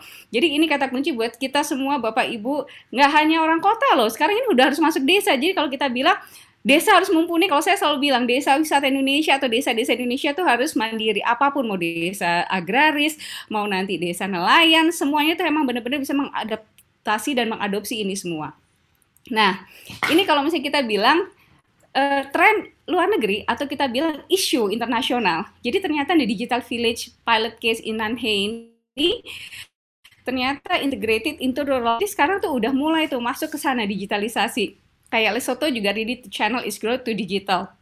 Jadi kita udah udah bilang jadi dia digital market diversity of economy dia semuanya ini pada desa banget loh. Lalu ada yang namanya empowering Singapore SME to digital ini juga ternyata KUKM KUKM Singapura juga ini empowering banget nih untuk bisa go to, go to digital. Jadi memang ternyata dunia luar semuanya sekarang bicara soal digitalisasi. Jadi no wonder kita semua sama-sama juga harus ikut untuk itu. Nah, ini juga go digital, go global. Jadi kalau kita bilang kenapa sih mesti go digital, ternyata go digital it means adalah go global. Jadi kenapa kayak sekarang ini US ini bisnis culture-nya ini inspire kita semua lah. Dia bagaimana dia mengadaptasi digital untuk global bisnis culture-nya. Jadi ini yang yang luar biasa yang mungkin kita juga bisa belajar di mana dengan adanya pandemi ini inilah go digital, go global menjadi kata kunci juga. Lalu Indonesia, go digital ini gimana nih kalau kita lihat nih Bapak Ibu? Nah, ada Goto nih yang kita bilang yang pas waktu Gojek dan Tokopedia. Kata kuncinya adalah go far, go together. Jadi memang nggak bisa sendiri. Mau melangkah jauh, mau barengan, itu harus bareng bergandengan tangan. Dan akhirnya Goto ini jadi go far and go together. Lalu kalau kita bilang, dan ternyata kalau misalnya kita lihat benar nggak sih sebenarnya? Apakah benar kita siap? Media sosial di Indonesia itu seperti apa? Ternyata riset mengungkapkan 50% itu dari orang Indonesia itu udah siap banget sebenarnya untuk melek uh, media sosial. Ini kalau misalnya boleh ngambil dari Hotsuite jadi dia bicara nih si Hotsuite dibilang kalau misalnya uh, kalau misalnya dia bilang bahwa di Indonesia itu rata-rata populasi kita tuh 274,9 juta pengguna mobile. Dan 345, jutanya itu adalah kita lebih jadi pengguna mobile kita itu lebih dari 100% loh kalau dilihat-lihat. Nah, internet usernya ada 73%, kalau kita lihat dan aktifnya 61,8%. Jadi gimana benar Indonesia ini ternyata pengguna yang namanya sebenarnya kalau dalam melek teknologi atau digitalisasi harusnya udah ya. Cuman memang kondisi yang lihat dari Hotsuite adalah ini. Lalu kalau kita ngelihat spend on medianya apa? Ternyata ini banyak internet itu 8 jam kita nggak sadar. Emang kita sekarang jadi generasi nunduk kayaknya. Kalau nggak ada handphone, nggak ada device, kita semuanya berarti using the internet, all device, yang lainnya uh, watching television, streaming. Nah ini adalah konsep-konsep jadi bagaimana media di Indonesia ini sangat kenal. Jadi orang Indonesia sebenarnya udah kenal banget nggak di Ternyata semuanya ada pegang namanya device, smartphone atau apa pun tablet namanya. Facebook, audience overview ternyata Facebook ini paling tinggi dibanding Instagram kalau misalnya di Indonesia. Nah, ini menjadi kata kunci bahwa ternyata di Facebook inilah potensial advertising audience-nya compare untuk di total age-nya seperti apa, tapi yang lucunya kalau kita lihat Iya, justru Facebook ini malah kebanyak laki-laki loh yang yang lebih banyak dibanding perempuannya. Tapi kalau kita lihat Instagram, Instagram lebih banyak perempuannya yang masuk ke sini. Jadi ini karakter-karakter nih untuk Bapak Ibu nih kalau yang mau jualan lewat sosmed bisa kelihatan nih kayaknya target pasarnya mau ke mana nih yang mau disasar. Nah lalu kita bilang, UMKM go digital benar nggak sih lah? Ini lihat mbah-mbah aja udah online shop kok. Jadi kalau kita bilang di desa semuanya udah go digital, online shop semuanya sudah ada semuanya. Kalau kita lihat UMKM, pandemi, berkah pandemi UMKM semakin go digital. Kominfo targetkan 30 juta UMKM go digital di 2023. RI kejar 30 juta UMKM go digital hingga 2024. Dan ini ternyata Mitra Tokopedia dorong pemilik UMKM jual produk digital.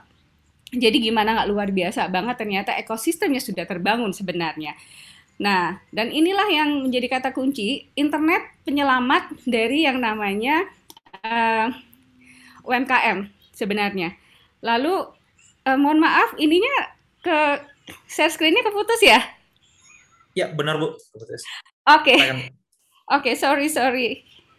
Mohon maaf, mohon maaf.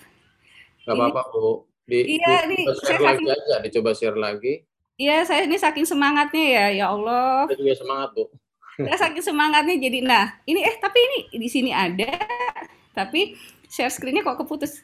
Ini memang internetnya ya Allah luar biasa deh. Punten. Maaf. Nah, ya udah udah muncul ya, baik. Oke, okay, udah muncul ya. Jadi kalau misalnya kita ngelihat, akhirnya kita ngelihat internet penyelamat UMKM dari krisis COVID-19. Jadi kita bisa ngelihat di sini adalah data-datanya, kita bisa ngelihat dari infografisnya, dampak usahanya ternyata 81 persen leluasa cari konsumen atau pemasok, 74,8 persen tambah omset usaha, 68,4 persen pelaku berdaya atas usahanya. Jadi yang lebih kerennya lagi ini bisa upgrade kompetensi, bisa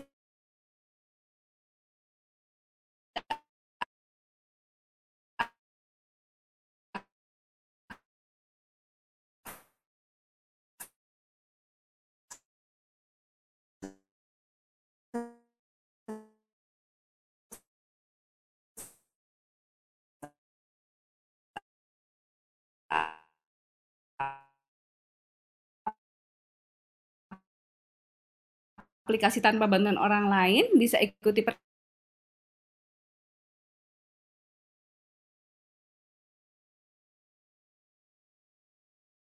pengetahuan jalankan usaha online-nya minim karena memang butuh banget nih pelatihan-pelatihan how to-nya ini kita nggak tahu sebenarnya atau mereka yang tidak paham. Dana tidak memadai, tenaga kerja belum siap, infrastruktur komunikasi tidak layak. Nah ini contohnya, pada ini saya di Depok harusnya bisa, tapi nggak tahu nih signalnya on and off. Jadi ini yang kendala-kendala memang UMKM di era pandemi dengan go digital puting ini penting. Jadi macam udah harus belajar soal itu juga biar kita juga tahu bahwa oh saving di cloud itu ternyata bisa lumayan nih nggak akan hilang nih jadi at least data-data kita bisa kesimpan dengan rapi. Nah ini ada beberapa strategi era pandemi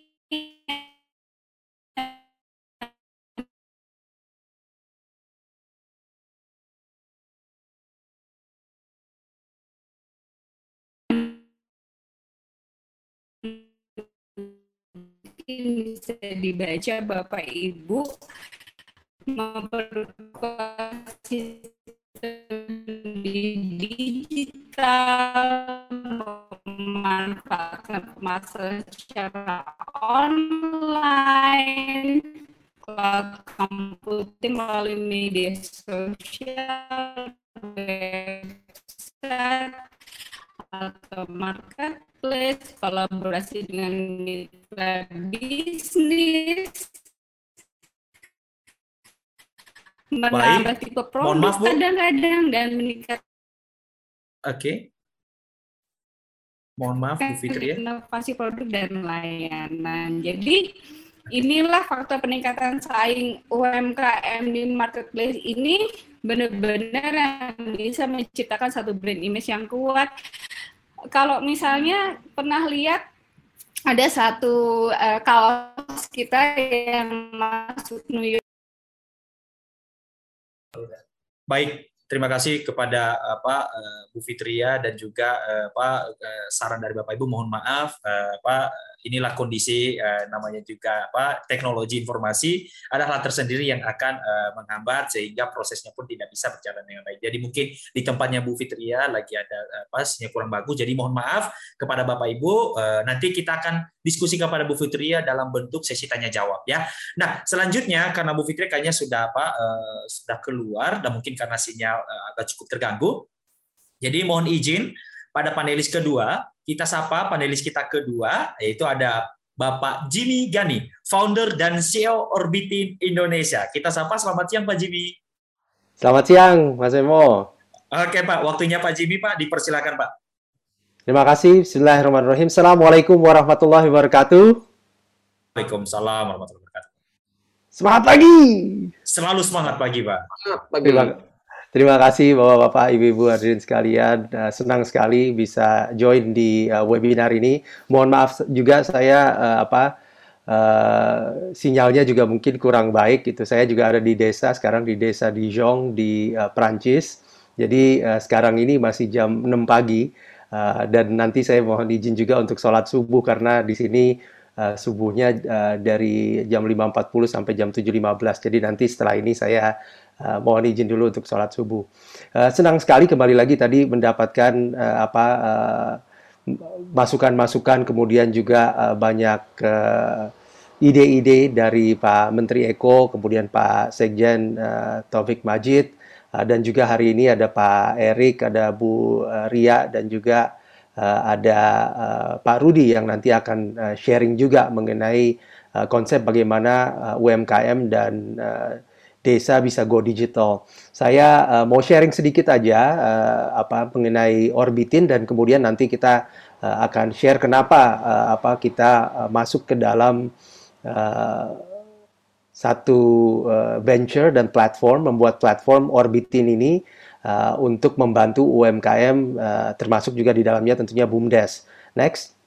Jadi uh, tentu uh, ini merupakan uh, satu uh, hal yang uh, penting dalam hal uh, tadi uh, program uh, nasional. Karena kita lihat uh, banyak negara seperti China, Amerika itu uh, UMKM-nya sangat terbantukan ya, UKM mungkin ya lebih lebih tepatnya terbantukan dengan masuk ke platform uh, digital. Mereka bisa go global uh, misalnya di China dengan uh, Alibaba, kemudian mereka uh, apa bisa ekspor uh, dan logistiknya terbaiki uh, dalam beberapa tahun mereka akhirnya uh, apa digital ekonominya uh, berkembang. Sekarang udah lebih dari uh, mayoritas uh, PDB itu disumbangkan oleh uh, ekonomi digital uh, menurut Pak Dubes uh, Joe uh, yang dubes kita di di China dalam kesempatan waktu saya bicara dengan beliau. Jadi uh, apa mengorbitkan UMKM dan desa uh, Go Digital ini merupakan uh, satu uh, apa satu obsesi kita lah uh, apa di uh, orbitin uh, supaya betul-betul uh, UMKM dan desa ini uh, terutama badan usaha milik desa bisa uh, go global kira-kira seperti itu. Next. Jadi saya nanti akan uh, diskusi mengenai uh, apa orbitin ini kenapa masuk ke platform ini kemudian uh, bagaimana kita bisa membantu uh, dan bagaimana uh, tadi UMKM dan uh, Uh, Boom Desa bisa memanfaatkan platform yang seperti yang tadi uh, Bu sampaikan karena banyak platform yang yang uh, tersedia uh, di di uh, dunia maya yang tentunya sangat bermanfaat uh, untuk konektivitas kita ke dunia luar.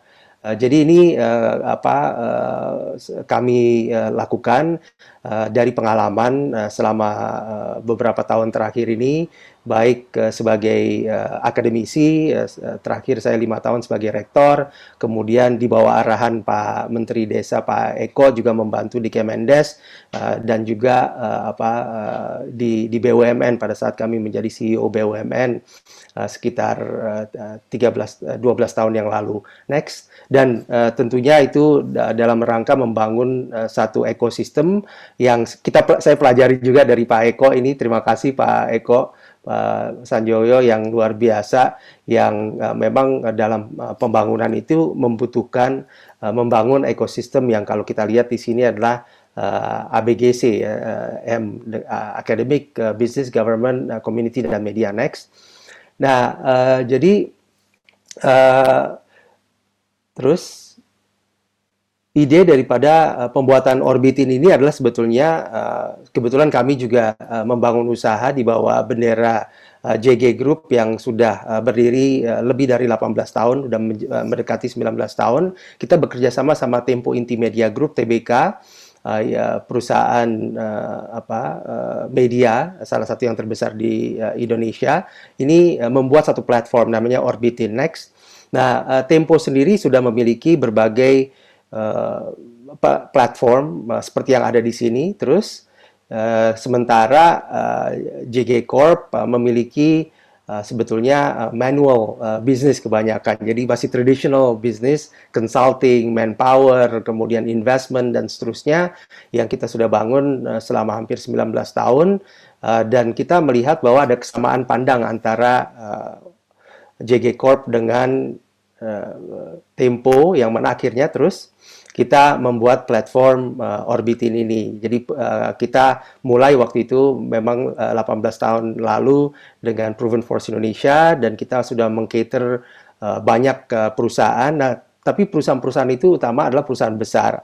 Akhirnya kita melihat kebutuhan terhadap bagaimana kita bisa membantu UMKM dan uh, UMKM ini memang uh, special karena tadi kalau uh, perusahaan-perusahaan besar yang biasa kita kerjasama memiliki ciri khas dan juga problem sendiri ini problem-problem yang kita uh, apa uh, identifikasi uh, bersumber dari uh, LPPI dengan Bank Indonesia.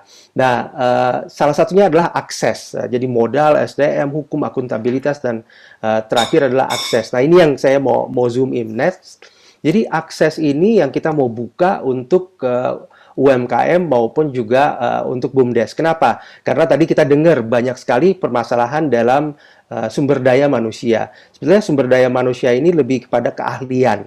Uh, semua saya saya yakin semua uh, usaha itu pengen go digital, tapi belum tentu semua usaha punya keahlian yang memadai untuk mereka uh, mengakses dunia digital ini. Uh, termasuk hal-hal yang simple gitu ya membuat uh, bagaimana membuat website bagaimana mem, uh, mempunyai uh, satu account yang terintegrasi di sosial media seperti uh, apa uh, seperti uh, Facebook, Instagram, LinkedIn dan seterusnya sehingga mereka bisa menjadi bagian daripada ekosistem sosial media itu sendiri. Nah, solusi daripada Orbitin adalah membangun ekosistem. Nah, uh, dan, dan Orbitin ini bertindak sebagai inkubator uh, next tadi inkubator, kemudian uh, akselerator dan juga uh, marketplace, uh, di mana kita bekerja sama dengan mitra-mitra uh, kita. Next, uh, yang uh, kita harapkan nanti bisa membantu dalam rangka kita mencapai visi kita dengan program inkubasi maupun akselerasi UMKM. Saya langsung aja ke ke apa slide ini ya ekosistemnya Orbitin di mana Orbitin ini adalah platform di tengah-tengah. Uh, penggunanya adalah uh, ada UMKM, BUMDes, ada guru, ada mahasiswa, uh, ada para alumni. Uh, kita juga kerjasama sama uh, Aprindo, Asosiasi Pengusaha Retail Indonesia, uh, untuk uh, memberikan mereka uh, akses terhadap uh, keahlian, keahlian-keahlian Uh, dari uh, uh, para ahli yang memang expert yang bisa membantu UMKM itu uh, go digital, bisa membantu UMKM itu untuk bisa meningkatkan kapasitasnya. Next. Nah, kalau kita lihat apa sih yang dilakukan gitu ya, sebetulnya ini ini kembali lagi mohon maaf gitu ya, saya biasa menggunakan ini untuk kuliah-kuliah saya di, di sebagai apa dosen.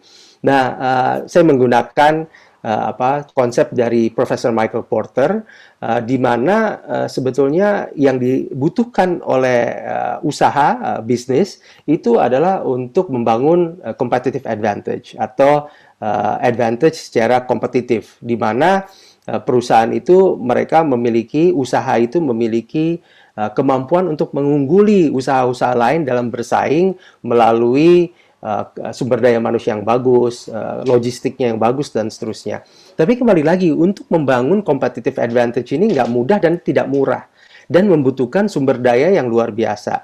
Yang yang kalau kita bicara UMKM belum tentu mereka uh, apa memiliki sumber daya yang memadai misalnya untuk membangun uh, apa uh, satu uh, produksi uh, operations production yang yang memadai mereka belum tentu memiliki uh, apa uh, kemampuan untuk membangun procurement system yang memadai ataupun juga accounting system dan financial system yang baik. Dan hari ini kita bicarakan tentang bagaimana kita uh, bisa memanfaatkan dunia digital. Tapi belum tentu semua memiliki uh, kemampuan yang memadai dalam dalam hal go digital tadi gitu. Nah, Orbitin hadir bersama dengan partner-partner kita untuk bisa bisa membantu UMKM uh, sekecil apa pun mereka mengakses dengan menyediakan layanan-layanan uh, yang uh, relatively uh, terjangkau gitu ya. Jadi uh, kita sudah coba uh, next uh, boleh uh, boleh di ini uh, Instagram kita dan seterusnya nanti boleh saya, kita bagikan saja.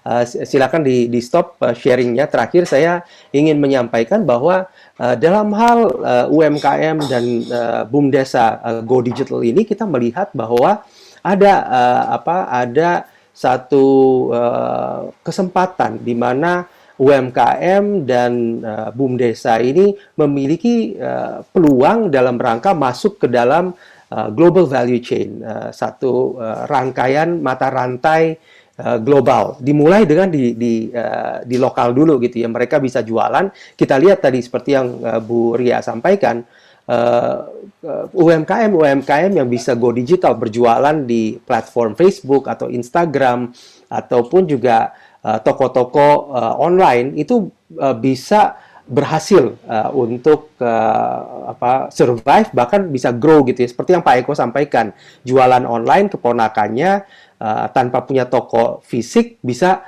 uh, apa untungnya sampai 200 juta sebulan gitu. Nah, hal ini tidak uh, apa untuk yang uh, uh, mengandalkan cara-cara uh, tradisional untuk bisa uh, menjual tentunya akan sangat uh, apa terganggu dengan kondisi pandemi seperti ini. Waktu saya menjadi uh, apa di root di uh, Sarina Persero uh, dulu kita membantu banyak UMKM karena kita punya toko gitu ya yang yang menyediakan space uh, dalam menjual produk-produk kerajinan uh, kemudian kuliner maupun juga fashion dan lain-lain sehingga mereka dari nggak bisa jualan karena punya uh, apa uh, space di toko uh, Sarina akhirnya bisa berjualan dan akhir akhirnya bisa membesar. Nah sekarang cara jualannya itu beda. Jadi UMKM bahkan bumdes di mana pun berada, mau itu di Kota Baru, di Sumatera Selatan, saya lihat tadi ada yang dari Bali, ada yang dari Kalimantan Barat, itu tetap bisa jualan gitu ya tanpa memiliki uh, sat, uh, apa toko fisik yang yang uh, apa uh, yang uh, dibutuhkan uh, biasanya untuk berjualan uh, secara langsung. Nah, uh, nanti mungkin uh, Pak Chief Eric bisa menjelaskan lebih jauh lagi karena kita sudah membantu uh, kerjasama antara Solvay dengan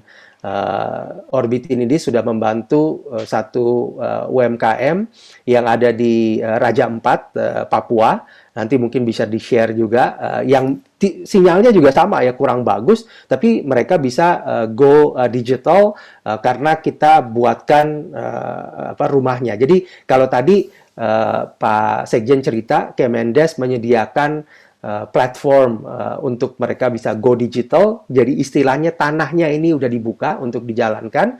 Nah, Solvay itu membuat rumah-rumahnya uh, dengan membuat yang namanya microsite nanti akan dijelaskan.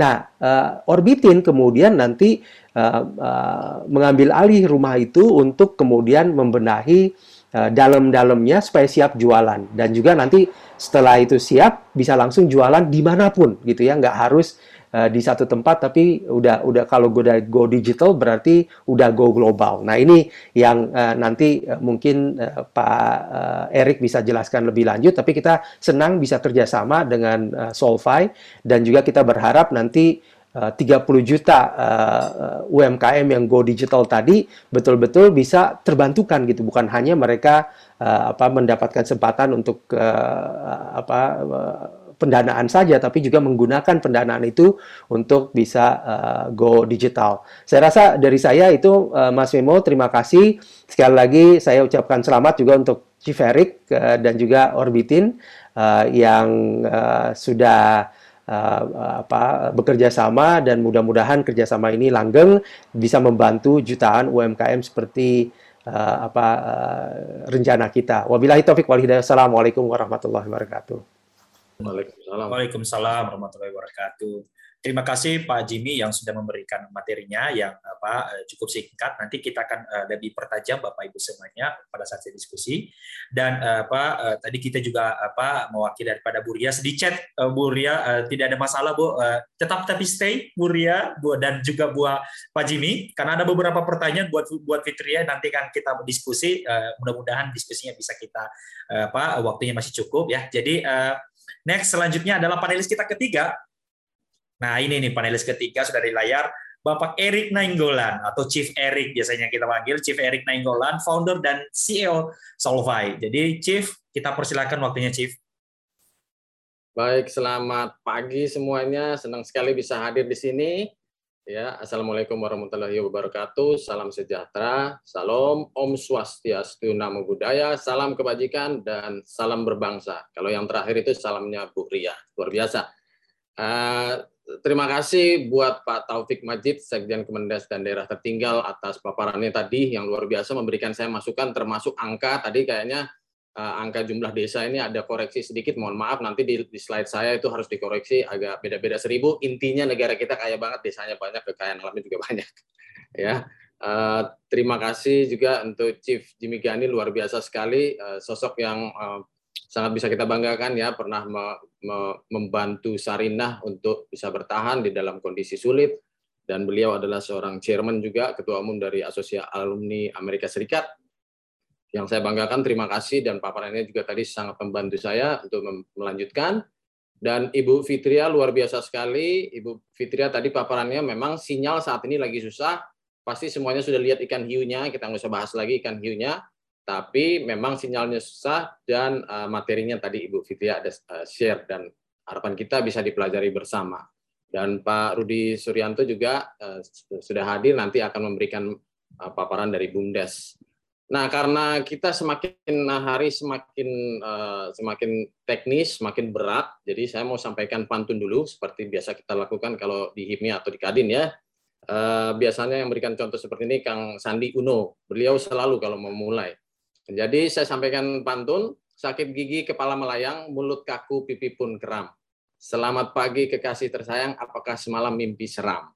Ya, silakan disampaikan nama kekasih masing-masing. Ada satu lagi kalau yang ini buatan saya. Pagi-pagi ikut webinar, topik berat bikin keblinger. Pakai batik busana formal, jangan tanya bawahannya saya apa. Berarti celana pendek, Bapak Ibu sekalian ya. Oke, saya akan share eh, dua materi ini, eh, materinya pendek-pendek. Yang pertama sebenarnya cuma slide saja karena menurut saya saya mau membantu teman-teman sekalian di sini untuk mengetahui. Saya izin share eh, screen. Solvay itu apa dan kolaborasi kita dengan Orbitin itu apa hari ini? Saya mau memberitahu Bapak Ibu sekalian, teman-teman yang luar biasa semangat dari seluruh penjuru Indonesia perjalanannya kalau bisa saya mau sampaikan saya rangkumkan karena saya memahami dunia digital dari tahun 95. Dulu waktu waktu itu namanya belum internet masih namanya superhighway in, information superhighway. Perjalanan kita sebenarnya izinkan saya sampaikan sama Bapak Ibu sekalian ini perjalanan kita di Indonesia masuk dunia digital itu seperti ini ya. Indonesian uh, small uh, small and medium business journey into the digital landscape itu seperti ini. Dulu pada waktu awal kita dulu perkenalan ke digital itu kita kenal email Lalu dikejar cepat sekali sosial media namanya Friendster kalau ada yang ingat itu menunjukkan umur saya sudah berapa. Lalu yang namanya blog ya. Nah, setelah kita mengenal hal ini lalu eh, kita mulai melakukan eksplorasi. Kita itu maksudnya kita di Indonesia baik individu maupun organisasi. Eksplorasi kita mulai mengenal yang namanya mobile apps. Instant Messenger. Siapa yang nggak cinta sama mobile apps dan instant messenger ya? Dan uh, langkah berikutnya adalah sesuatu yang kita mau sampaikan hari ini Nanti saya sampaikan. Dan uh, berikutnya adalah trading. Teman-teman semua cemplung masuk ke marketplace. Wah indah sekali marketplace ya. Ada teman saya yang sudah tua uh, dari uh, WhatsApp grup lain, bapak-bapak, dia jualan pernah sampai berapa tahun lalu ya, pernah sampai beberapa miliar, beberapa miliar ya. Tapi sekarang nggak bisa lagi dia dapat satu atau dua miliar itu waktu jualan. Ini suara bisa didengar ya. Eh, jadi kita sudah sampai di sini saat ini dan masih berlanjut marketplace dan social commerce. Social commerce is happening lagi berjalan sekarang yaitu kita berjualan di uh, uh, sosial media ya. Nah, kelanjutannya bertumbuh lagi kita ke yang namanya search engine optimisasi. Semuanya tahu SEO, kalau nggak tahu nggak apa-apa karena nggak semua informasi mengalir lancar ke daerah di negara yang besar ini. Ya, kita punya penduduk luar biasa, paparannya dibedakan dengan pulau-pulau dan uh, Facebook sharing. Tadi Ibu Fitria juga sampaikan Facebook itu luar biasa sekali, bersaing ketat dengan Instagram dan memiliki beda fungsi. Ya. Dan setelah itu semakin mampu kita memahami dunia digital, kita masuk lagi ke namanya scaling. Udah udah pinter-pinter, sudah bisa jual barang, maunya jualnya banyak. Nah, di situ masuk ke yang namanya scaling. Contohnya saya ambil satu saja Facebook Ads. Dan yang terakhir intinya uh, end of the day akhirnya semua orang itu nanti maunya um, memiliki suatu kemandirian, independen dari brandnya sendiri. Kalau di luar negeri itu memakai platform yang namanya Shopify. Di Indonesia nggak memakai Shopify. Kenapa? Karena orang Indonesia beda. Ya orang Indonesia itu memiliki uh, uh, behavior kelakuan sendiri yang berbeda. Shopify itu tidak gampang untuk setupnya penggunaannya tidak tidak uh, gampang. Nah, kenapa? Pertanyaannya kenapa banyak teman-teman di Indonesia UKM atau desa-desa ya mengalami hal ini karena ada yang missing. Tadi di step ketiga itu ada missing dan harapan kita dari launching bersama kita harus berkolaborasi. Bangsa besar ini harus dibantu dengan gotong royong. Di sinilah kita datang ya uh, learning. Saking uh, semangatnya kita masuk ke ranah digital sekarang sudah 5,0 luar biasa tadi Bu Ria sampaikan. Learning ini tidak kita lakukan dengan baik. Kenapa tidak kita lakukan dengan baik? Karena kita terburu-buru dan karena negara kita ini kaya kalau umpamanya kita merantau tidak berhasil pulang aja ke kampung. Di kampung banyak uh, makanan tanaman subur ayam lewat bisa jadi ayam panggang dan sebagainya. Dan di sinilah sebenarnya inti yang kami temukan dari pengalaman saya dengan uh, Chief Jimmy juga apa yang harus kita bantu kita memutuskan untuk melakukan sesuatu. Uh, di sini Solvay masuk dan Orbitin masuk kita memberikan uh, missing gap ini link yang hilang ini kita sampaikan di sini. Begini loh Bapak Ibu sekalian kalian kehilangan ini boleh agresif masuk ke industri 5.0 tapi belajarnya nggak boleh ketinggalan. Dan uh, kabar baiknya di tengah tantangan ini semua orang jadi mau belajar. Dan di sinilah kita berikan pembelajaran itu sekalian praktek dan orbitin melengkapi apa yang Solvay berikan. Kira-kira seperti itu ya, eh, Bapak Ibu sekalian. Dan uh, izinkan saya, nanti kalau ada pertanyaan boleh, uh, izinkan saya masuk ke uh, presentasinya ya. Oke. Oke, bisa lihat semua ya. Uh, judulnya ini digitalisasi desa plus UKM tanpa internet ya. Uh, ini memang uh, judul yang agak uh, memancing ya, sebuah hook ya. Karena saya kemarin ngambil pelajaran di Nas Academy, pernah dengar Nas Academy ya, kita harus menyampaikan sesuatu yang benar-benar menarik di bagian awal dan harapan saya ini mendapat perhatian uh, Bapak Ibu sekalian di mana pun kalian berada. Ya kenapa? Karena memang digitalisasi desa dan UKM itu bisa dilakukan tanpa internet ya. Baik,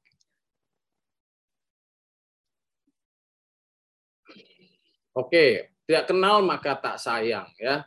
Jadi eh, biarkan saya izinkan saya sampaikan sedikit perjalanan saya untuk mengetahui apa yang kita hadapi di negeri ini. Saya di tahun 2010 sampai 2015 itu saya terlibat di dua kepengurusan uh, HIPMI, lalu 2015 sampai 2021 saya di uh, Kadin Indonesia di industri kreatif bagian IT ya. Lalu uh, ada beberapa kegiatan yang kita sudah ikuti dengan platform Solvay, misalnya Echelon 27 kita masuk ke 100 Asia, Apple Academy, dan saya saat ini masih sebagai pembicara uh, regular guest setiap uh, Senin malam di Smart FM. Uh, topiknya adalah uh, Smart E-commerce. Dan saya juga uh, sebagai country director perusahaan namanya London Tower Capital dengan uh, pihak asing. Dan saat ini saya juga menjadi pengajar atau uh, instruktur di program prakerja. Ini kita ada beberapa mitra di bawah program uh, platform kita ini ada uh, kerjasama dengan teman-teman uh, di di prakerja seperti Bukalapak, Pintaria, Cakap, Shopee dan lain-lain ya teman-teman sekalian. Nah, ada ini yang tadi saya bilang ada kurang lebih 82.000 sampai 87.000 di Indonesia yang kaya dengan potensi pariwisata, flora, fauna, kekayaan alam dan sebagainya dan UKM-nya juga ada di dalam. Ini saya pelajari sangat uh, nyata di di HIPMI dan di Kadin bagaimana hubungannya sangat erat antara UKM dan desa. Pada saat uh, sebuah uh, lembaga, sebuah usaha, misalnya berangkat ke luar negeri ke Eropa pameran uh, tiga hari dengan segala kekuatannya mereka pameran pulang itu bisa dengan muka yang sangat uh, sedih ya atau kecewa. Kenapa? Karena dia menghadapi tantangan yang tidak bisa dia bereskan ya. Nah, oleh karena itulah dari analisa saya, desa itu sangat penting untuk bekerja sama dengan UKM dan UKM ini akan menjadi kuat secara kolektif, secara bersama-sama. Jadi inilah makanya webinar kita hari ini kita gabungkan kedua hal ini tidak boleh dipisahkan dari satu sama lain. Untuk apa? untuk menyampaikan uh, apa yang dimilikinya. Tadi Pak Menteri sampaikan uh, pariwisata akan booming uh, post pandemi itu benar sekali dan akan terjadi dan mudah-mudahan kita belum terlambat untuk melakukan sesuatu sebelum ini terjadi di mana desa-desa harusnya siap.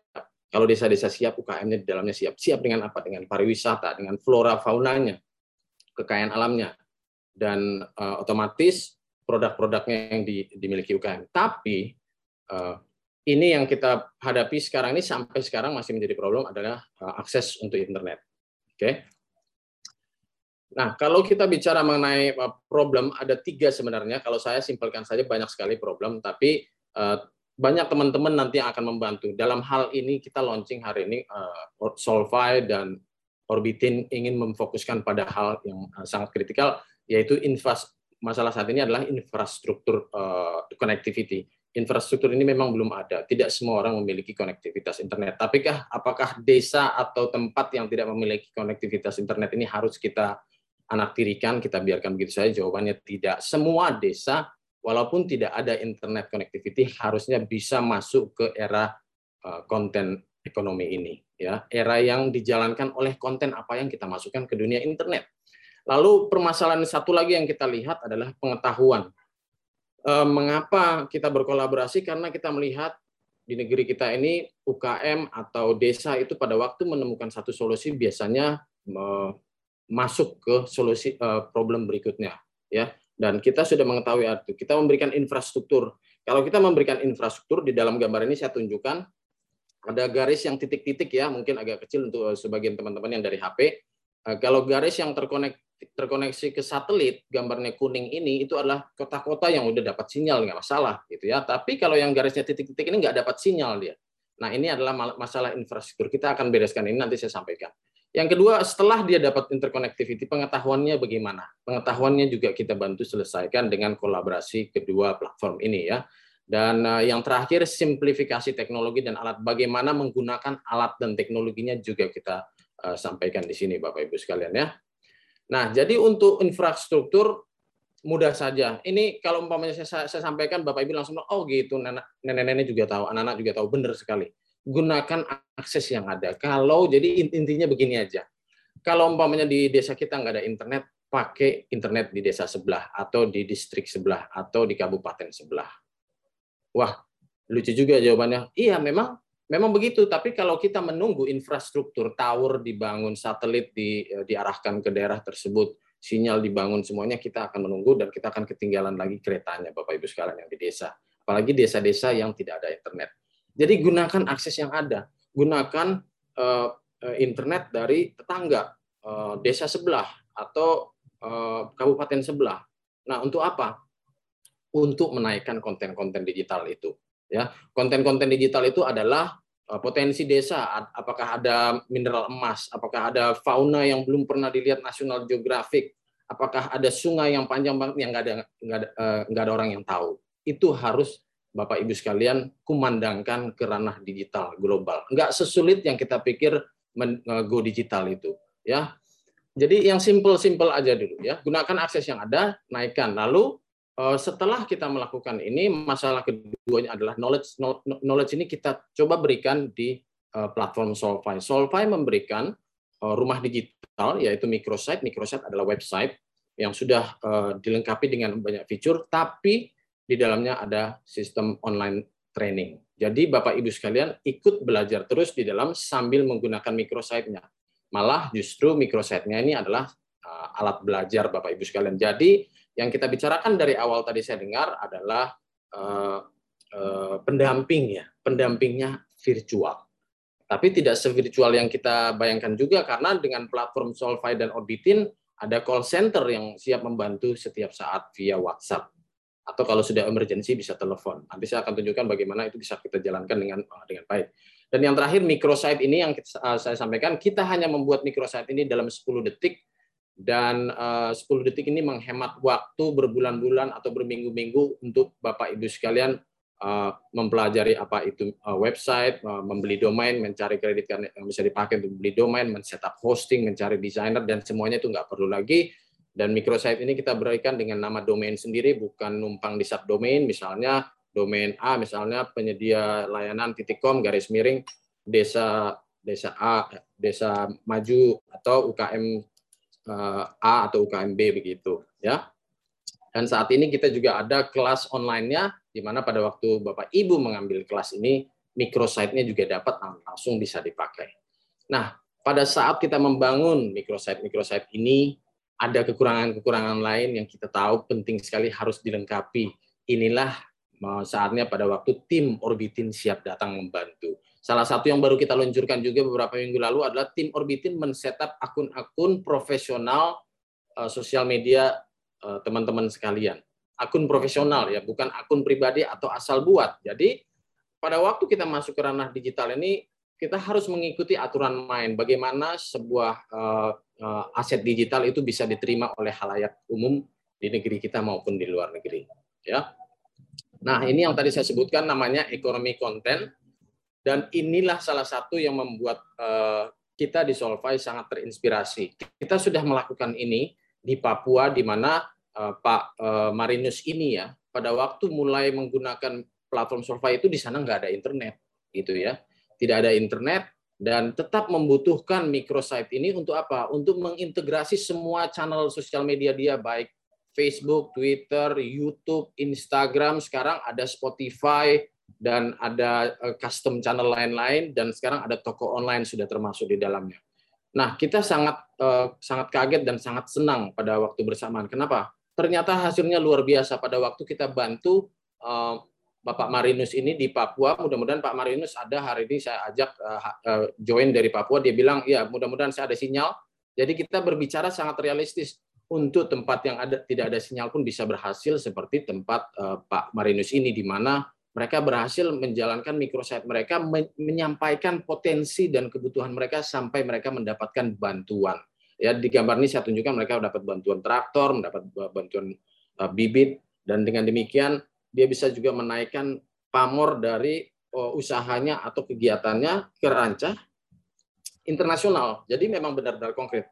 Nah, yang menjadi uh, uniknya adalah dia tidak tahu cara menggunakan microsite dan dan itu memang suatu hal yang harus kita terima uh, di zaman modern ini di Indonesia memang banyak teman-teman yang seperti tapi itu bukan menjadi kendala membuat kita tidak maju-maju. Jadi yang dilakukan dia adalah dia menggunakan akses internet di tempat lain di desa sebelah, dia naikkan kontennya ke tim Solvay. Dan tim Solvay yang membereskan semua. Dan seperti saya sampaikan tadi sekarang kita sudah ada tim yang luar biasa lagi membantu uh, memberikan guide atau tuntunan bagaimana menjalankan ekonomi konten desa, bagaimana aturan mainnya, profesionalismenya, budgetingnya dan sebagainya itu dari tim Orbitin Bapak Ibu sekalian ya. Jadi Eh, presentasi kita hari ini sebagai bagian dari acara launching kita tidak panjang, Bapak Ibu sekalian. Eh, di tanggal 26 nanti kita akan mendigitalkan 10 desa terpencil di Papua yang kepala desanya eh, mohon maaf gaptek ya, tidak tidak tidak paham teknologi. Saya bilang itu tidak bermasalah karena memang solusi kita ini masuk pada kondisi seperti itu. Dan ke depannya kita juga dengan acara launching ini kita siap Solvay mensponsor 100 desa. Ini program sudah terbuka yang akan kita sponsor dengan uh, microsite uh, desa masing-masing yang akan kita berikan tanpa biaya uh, sebagai kontribusi Solvay untuk teman-teman semua yang 100 pertama di mana pun teman-teman semua berada. Dan ini otomatis akan masuk ke dalam program tutorial dan uh, pendampingan kita, Bapak Ibu sekalian ya. Nah, saat ini ada sebuah area di Sumatera Utara ya yang dibantu oleh seorang ibu dari organisasi Yayasan Boru Nauli namanya Ibu Emi.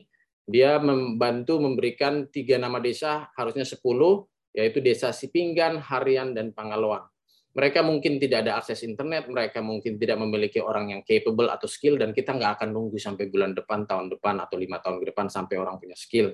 Kita bantu, kita naikkan potensi desa, desanya, dan kita akan siap untuk era post-COVID-19 nanti, seperti dibilang Pak Menteri tadi, pasti nanti akan booming, Bapak-Ibu sekalian. ya. Jadi, apa sih yang bisa kita lakukan kalau ini bisa kita laksanakan dari langkah-langkah kecil, kita bikin program kecil, lalu kita mungkin bisa meningkat ke seribu desa, lalu berapapun desa yang ada di, uh, di Nusantara, dan bisa menjadi contoh untuk provinsi-provinsi lain. Kita ambil baby step, langkah-langkah kecil.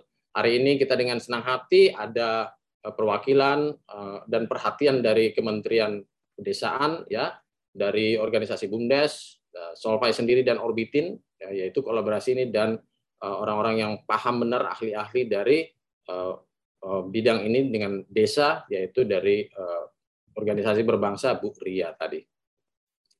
Itu saja yang mau saya paparkan. Eh, mudah-mudahan bermanfaat dan memberikan semangat dan harapan ya.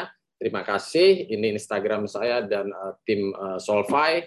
Mudah-mudahan acara kita hari ini bermanfaat untuk kita semua. Terima kasih.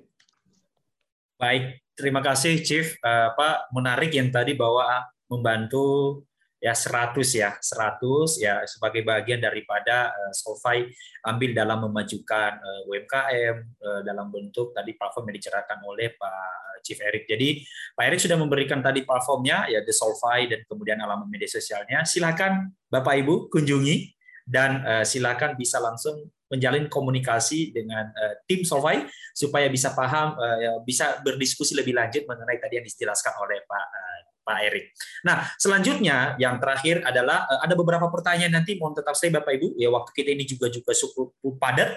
Dan yang terakhir, nah ini nih eh, salah satu panelis kita yang memang sering bergumul dengan bumdes.id dan kemudian beliau juga adalah eh, saat ini menjadi Sekjen Forum Bumdes Indonesia dan tidak asing lagi buat para bumdes. Jadi kita hari ini kita panggil langsung panelis kita yang terakhir kita sambut Pak Rudi Suryanto, founder bumdes.id dan sekjen Forum Bumdes se-Indonesia.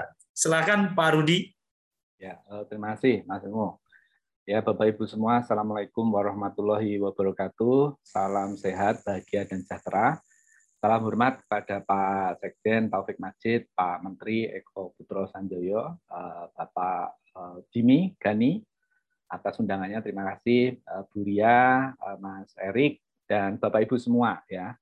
Ini karena saya terakhir ini sudah materi sudah dibahas semua sebenarnya dari awal. Saya mungkin akan highlight beberapa uh, terkait dengan isu terkini yang tadi uh, mungkin di pertanyaan, di diskusi itu juga sudah muncul. Uh, izinkan uh, mungkin kami berbagi perspektif ya dari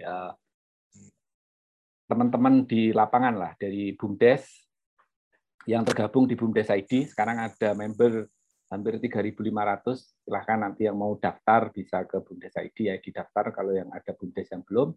Kami kemudian mengelompokkan jadi tiga, eh, rintisan, tumbuh, dan maju. Dan gimana yang rintisan jadi tumbuh, yang tumbuh jadi maju, dan maju berkelanjutan kami gelar eh, program inkubasi.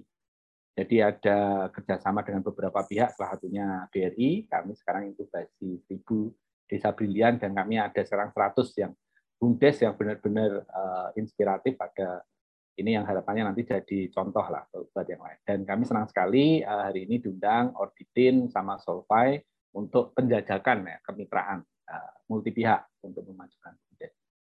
Nah, uh, yang pertama uh, izinkan kami mengulang kembali, mengingatkan kembali uh, Bapak Ibu semua uh, isu utama bumdes, isu yang menurut kami paling uh, mendesak yang bahkan ini disampaikan langsung oleh Pak Presiden, yaitu kita tidak pungkiri di lapangan itu ada banyak sekali bumdes yang belum jalan. Ya, jadi ini ada menitir temuan BPK audit 2018 dari 8.000 sampel itu ada 2.188 bumdes tidak beroperasi, ada 1.670 bumdes yang belum memberi kontribusi. Sehingga Presiden memberi arahan langsung untuk ada revitalisasi bumdes. Nah, arahan revitalisasi BUMDes itu ada dua. ya. Jadi revitalisasi usaha BUMDes dan revitalisasi tata kelola BUMDes. Ini tadi yang sama yang sudah disampaikan oleh Pak Sekjen. Nah, saya di kesempatan ini mencoba, mari kita lihat ya, diskusi ini dari 2019 sampai 2021, eh, akhir ini eh, berarti hampir dua tahun. Eh, kira-kira progresnya itu bagaimana di lapangan? Tadi sudah eh, ada banyak eh, masukan input ya. Yang pertama kan, jadi kalau kita bagi tema revitalisasi itu menurut arahan Presiden ada empat. Satu peningkatan skala usaha. Untuk meningkatkan skala usaha itu butuh modal.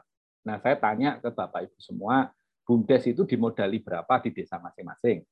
Kalau dimodalinya itu kurang dari 50 juta, dimodali hanya sekali, itu gimana BUMDes bisa berkembang? Itu adalah satu yang harus kita pecahkan. Kita harus masuk ke masalah yang sangat mendasar ini yaitu pemodalan BUMDes. Jadi eh, kita ada data eh, dari 51 ribu BUMDes itu rata-rata dimodali 50 juta dan hanya kurang dari 5 persen dari total dana desa yang digelontorkan.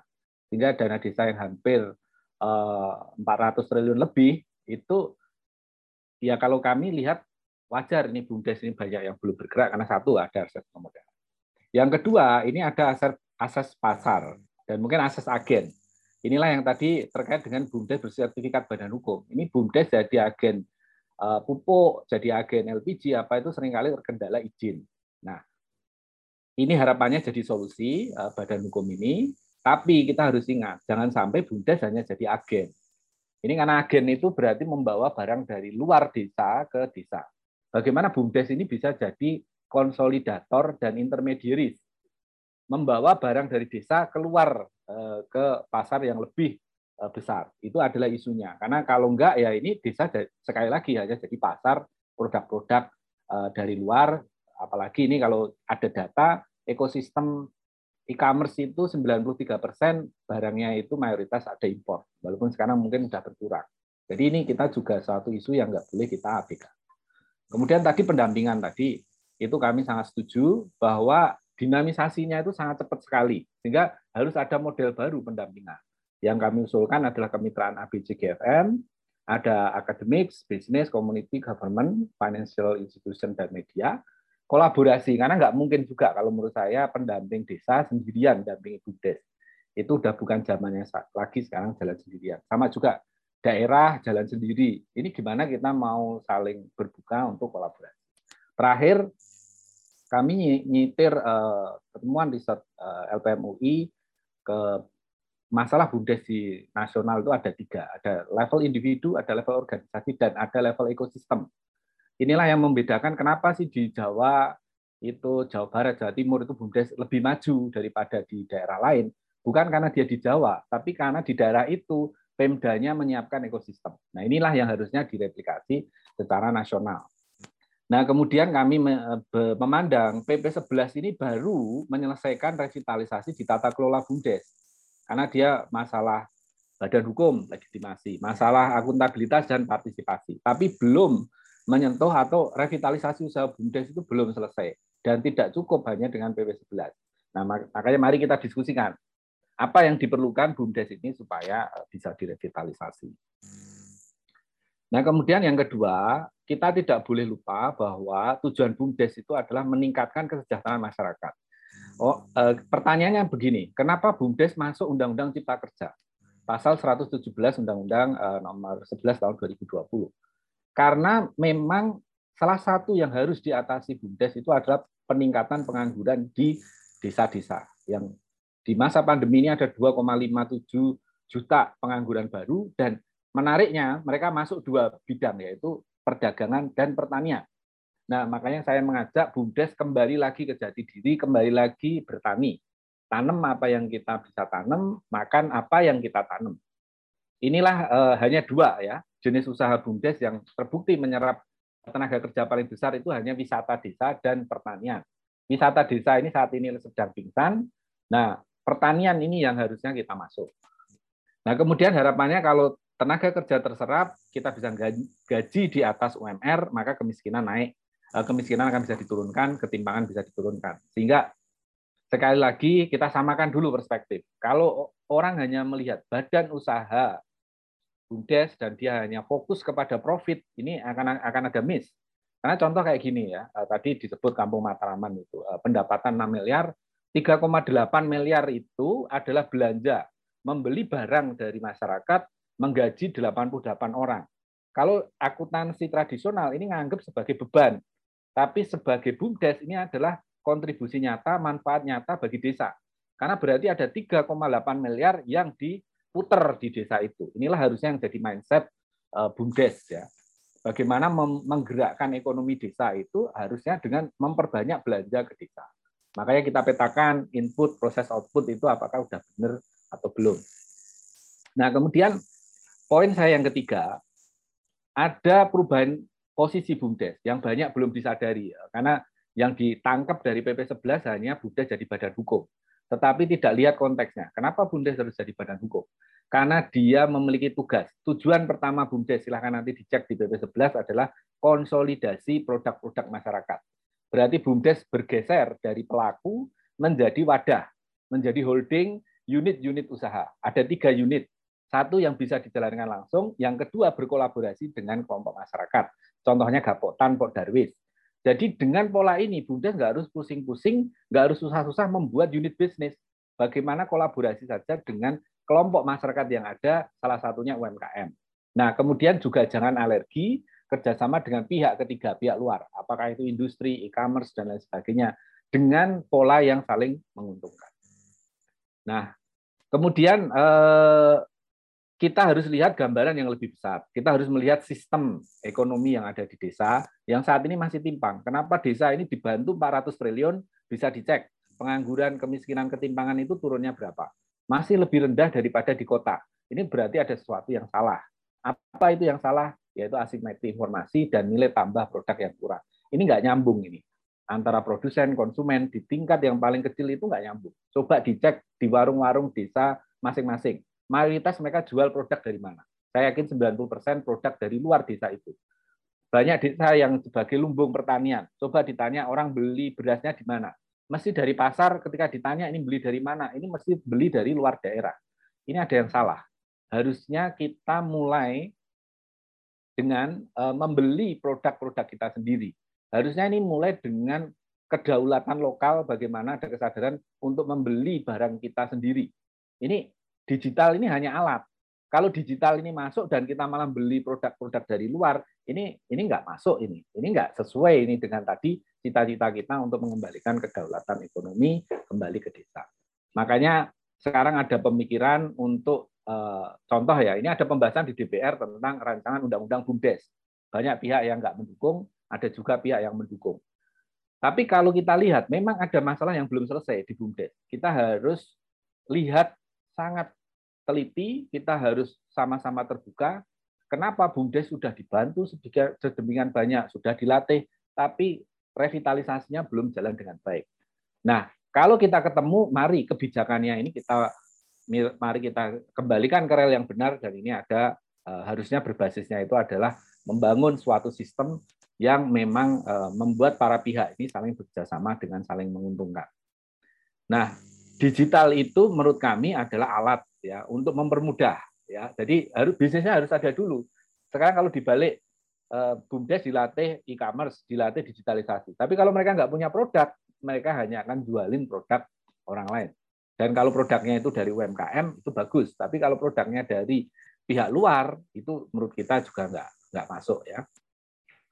Kemudian eh, desa terbukti eh, saat ini lebih tahan terhadap pandemi tapi juga jangan terlena karena ini banyak sekali saya dikirim gambar kayak gini.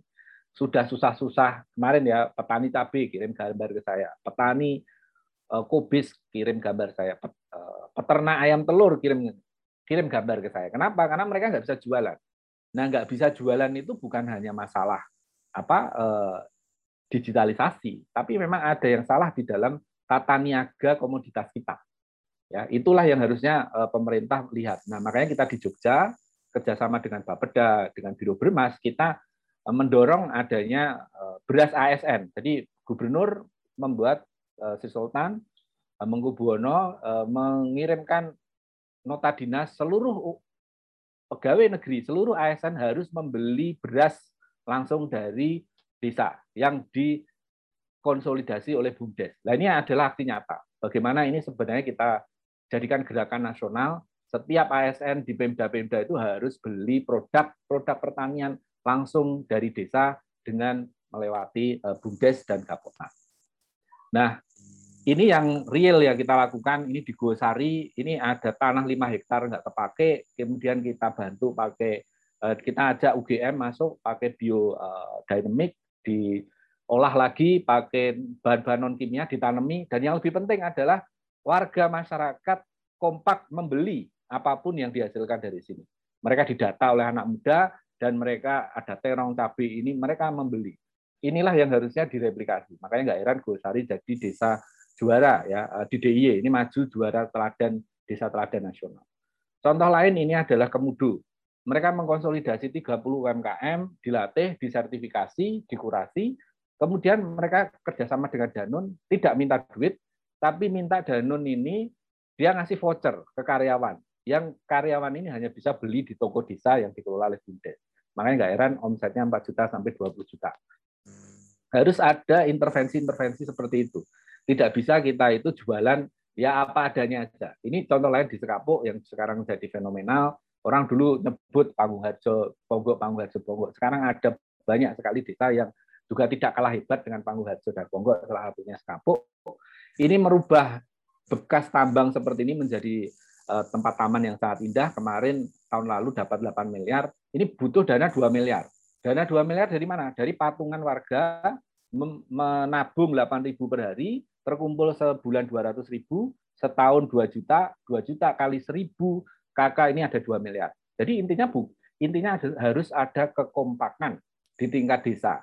Harusnya desa itu percaya bisa merubah nasib dengan upaya sendiri, tidak harus nunggu bantuan, tidak harus nunggu dari mana, tapi yang penting usaha sendiri. Bantuan dari luar itu hanya stimulan. Ini terakhir adalah dari Kuala Alam, karena kami sering ditanya ini apa hanya di Jogja Pak? Tidak, ini ada di berbagai tempat, sekarang ada 100 desa yang memakai pola yang sama, cari tanah yang tidak kepake, tanami pakai pola PKTD, hasilnya dibeli BUMDes, kerjasama UMKM dibeli dengan orang-orang yang dapat BLT dana desa. Sehingga dana desa itu muter di desa itu saja. Jangan bangun konblok, jangan bangun selokan, itu duitnya kita buang di got semua. Gimana duitnya bisa muter? Perubahan mindset ini yang saya kira sangat penting Eh, sebagai penyemangat saja, survei terbaru Alpha JBC Kerni itu tiga unicorn terbaru itu semua ngurusi desa dan semua ngurusi pertanian. Ada yang ngurusi uh, digitalisasi pertanian, ada yang ngurusi P2P, simpan pinjam, dan ada yang ngurusi social commerce. Artinya apa?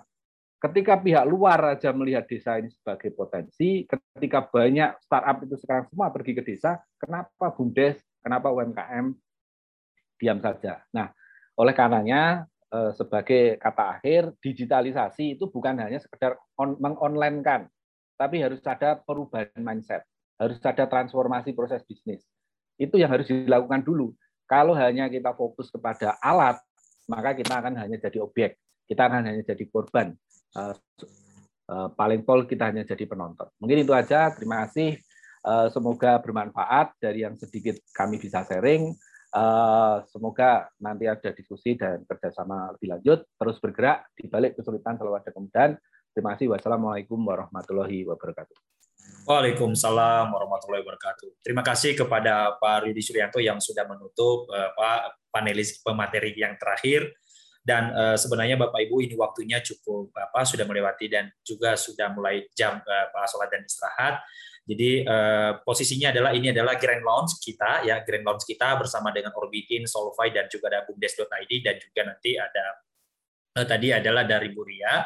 Jadi uh, nantikan kita akan masuk ke uh, diskusi teknis selanjutnya. Jadi tadi ada saran yang cukup bagus. Bagaimana kalau seandainya lebih banyak kepada materi selanjutnya sehingga dari bawah akan terangkat solusinya. Jadi mohon maaf kepada Bapak Ibu hari ini ada grand launch, tapi di dalam grup tadi di chat sudah ada banyak grup dari ada grup Solvay, ada grup WA grup Orbitin. Silakan Bapak Ibu selanjutnya baik pun dari Bapak Ibu yang live di YouTube silakan grup di join itu. Nanti kita akan share informasi selanjutnya. Pasti akan ada diskusi lebih teknis lagi yang berkaitan dengan diskusi hari ini dan dan mudah-mudahan para panelis kita yang hadir hari ini jika berkenan pasti akan bicara lagi nanti. Jadi ini akan jauh lebih jauh lebih teknis nanti, lebih panjang waktunya dan lebih teknis bisa memberikan solusi-solusi terhadap Bapak Ibu semuanya. Namun ada pertanyaan ini karena tadi Buria sudah terputus, ternyata pertanyaannya banyak kan ke Buria dan ternyata mohon izin Bapak Ibu, saya satu dua pertanyaan aja kepada ke Buria tambahan waktu. Bu Fitria masih ada di tempat Bu? Jika berkenan, sebelum kita akhiri, ada pertanyaan tadi mungkin karena tidak puas dan pertanyaannya cukup menarik. Bu Fitri masih ada di tempat kalau berkenan? Oke, berarti ada kayaknya itu. Siapa? Siap, Chief? Ada kayaknya itu uh, Ria Berbangsa. Oh iya, jadi uh, oke. Okay. Jadi karena eh, apa Bu Fitria menunggu ya, ada satu pertanyaan ini. Oke, jadi ini banyakkan masukan ya. Jadi apa mohon maaf kita dari penyelenggara. Nah, Bu Fitria, nah ini ada nih. Ini khusus nih Bu Fitria ya karena tadi keputus, tapi mohon izin Bu ya sebelum kita akhiri dengan singkat mungkin menjawab pertanyaan ada dua Bu ditujukan kepada Bu Fitria. Pertama, permasalahan UMKM di desa adalah pemasaran dan banyak juga pelaku UMKM yang gaptek. Kira-kira metode apa sih yang bisa diterapkan agar UMKM bisa go digital? Itu yang pertama. Yang kedua, bagaimana sih Bu agar kita tetap survive, terutama desa wisata, bisa hidup berdampingan dengan COVID-19 didukung dengan digital. Nah, khusus nih kita uh, mudah-mudahan waktu yang singkat ini bisa dibantu oleh Bu Fitria. Silahkan Bu. Oke, Terima kasih, mohon maaf tadi. Padahal tadi kalau misalnya paparannya lengkap ya.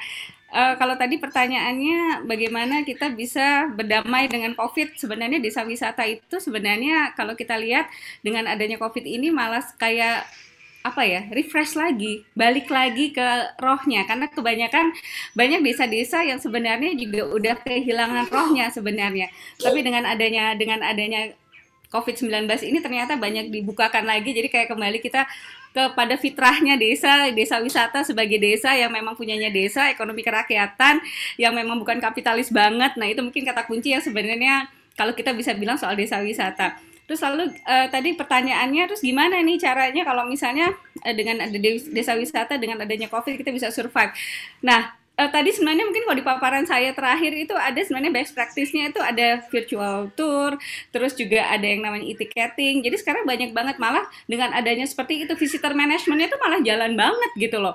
Jadi sebenarnya kalau kita bilang kalau saya sih selalu bilang ternyata COVID ini membawa berkah. Kalau buat saya, tanpa saya sadari ya di satu sisi ya, tapi kalau misalnya untuk penataan diri, untuk kembali kepada fitrahnya dan desa-desa juga semakin melihat kepada dirinya, oh ternyata saya kurangnya di sini, oh saya harus lebihnya ke sana. Yang tadinya nggak melek digital, akhirnya jadi melek digital karena ternyata penting banget digitalisasi. Jadi tadi kalau misalnya sesuai banget nih Mas Memo, kalau dengan konsepnya orbit dan Soulfy ini yang kalau kita bilang bahwa gimana caranya kita bisa mengorbit desa dan UKM go digital. Dan tanpa sadar pandemi inilah membuat yang tadinya nggak pernah, yang biasanya handphone, smartphone dipakai untuk WA doang, Facebookan, tapi sekarang tuh malah bisa untuk virtual tour.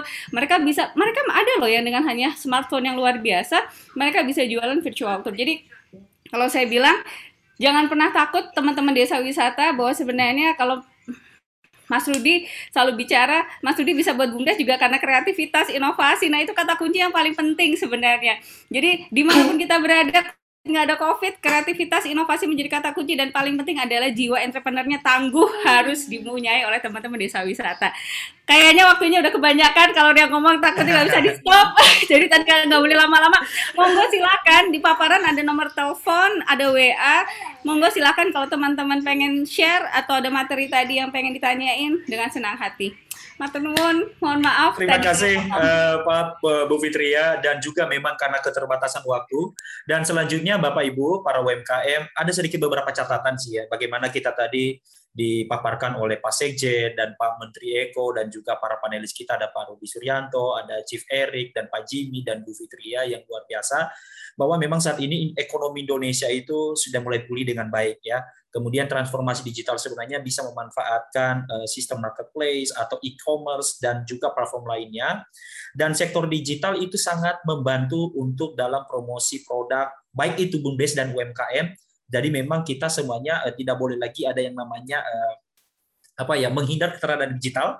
Memang sudah saatnya harus melek tetapi dengan catatan terakhir di garis bawah Bu Fitria harus dan juga Pak Rudi adalah harus ada inovatif dan tentu harus ada kreativitas. Nah, ini juga yang paling penting. Nah, kemudian tadi pertumbuhan Bum Desa Indonesia eh, Bum Desa dan UMKM Desa saat ini sudah harus bisa memanfaatkan kreator digital ya, mendorong kapasitasnya dan juga paling penting masukan ini kepada Pak Kementerian Desa bahwa memang pelatihan Kementerian Desa perlu didorong untuk UMKM terutama dalam hal digital dan pengelolaan BUM desa yang lebih baik.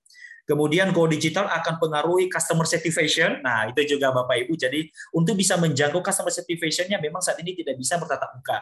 Tetapi melalui digital, kita bisa memenuhi kepuasan uh, customer-nya melalui pelayanan yang lebih cepat, lebih praktis, dan tanpa harus menu harus keliling wilayah, tapi melalui satu platform, kita semua bisa tatap muka dengan cepat. Kemudian desa mandiri harus adaptasi dan digital transformation. Kemudian saat ini Internet adalah penyelamat UMKM. Nah, ini competitive advantage perlu didorong untuk UMKM, learning perlu untuk UMKM, dan paling penting adalah digital hanyalah platform. Terpenting harus punya produk, inovasi dan kreativitas. Dari terakhir tadi Pak Zurianto. Jadi itu saya apa saya beberapa catatan dan uh, demi dan catatan itu juga Bapak Ibu tadi ada beberapa WA group silakan join silakan hubungi apa uh, daripada uh, platform yang dikirimkan oleh Bu Fitria kemudian Solvay kemudian Orbitin dan kemudian bupines.id akan ada next teknis diskusi selanjutnya. Mudah-mudahan para panelis kita hari ini akan ada. Ya, Bu Fitria silakan Bu. Ada yang boleh satu lagi kalau misalnya boleh. Ini cuma pengen share aja biar nggak kelupaan satu menit nggak nyampe semenit setengah menit saya cuma pengen cerita. Teman-teman yang paling penting adalah uh, semangat luar biasa. Tapi key point yang paling penting untuk bisa kita go digital UMKM dan desa wisata adalah transformasi digital menjadi kata kunci penting. Yang kedua literasi digital menjadi kata kunci penting. Karena dari literasi digital ini nanti kita akan menciptakan SDM unggul. Lalu uh, startup e-commerce marketplace itu menjadi kata kunci juga untuk kita bisa menjadi jiwa entrepreneur yang paling penting adalah digital marketing end up-nya untuk bisa kita jualan atau kita bisa menawarkan sesuatu yang luar biasa. Nuan sewu, tadi agak kelupaan biar agak komplit tadi kalau yang nanyanya. Nuan sewu, matur nuwun. Tapi tapi tidak asik kalau hanya Bu Fitria. Key point dari Pak Rudi 30 detik, Pak. Ada, Pak? Uh, ya kalau saya simpel aja, apa pun kondisi itu kita nggak punya pilihan kecuali terus bergerak. Oke. Okay terus bergerak. Wah, ini catatan hmm. paling penting. Apa pun kondisinya, tabrak ya. dan terus bergerak. Wah, ya, itu jadi ya, ya kita nggak tahu kan ini pandemi uh, kapan berakhir. Ada yang berasumsi ya udahlah kayak gini kita berdamai aja, kita hadapi apa yang ada, kita gunakan apa yang ada. Contoh misalnya desa wisata, banyak yang kita dampingi ya kita sampaikan ya kembali lagi.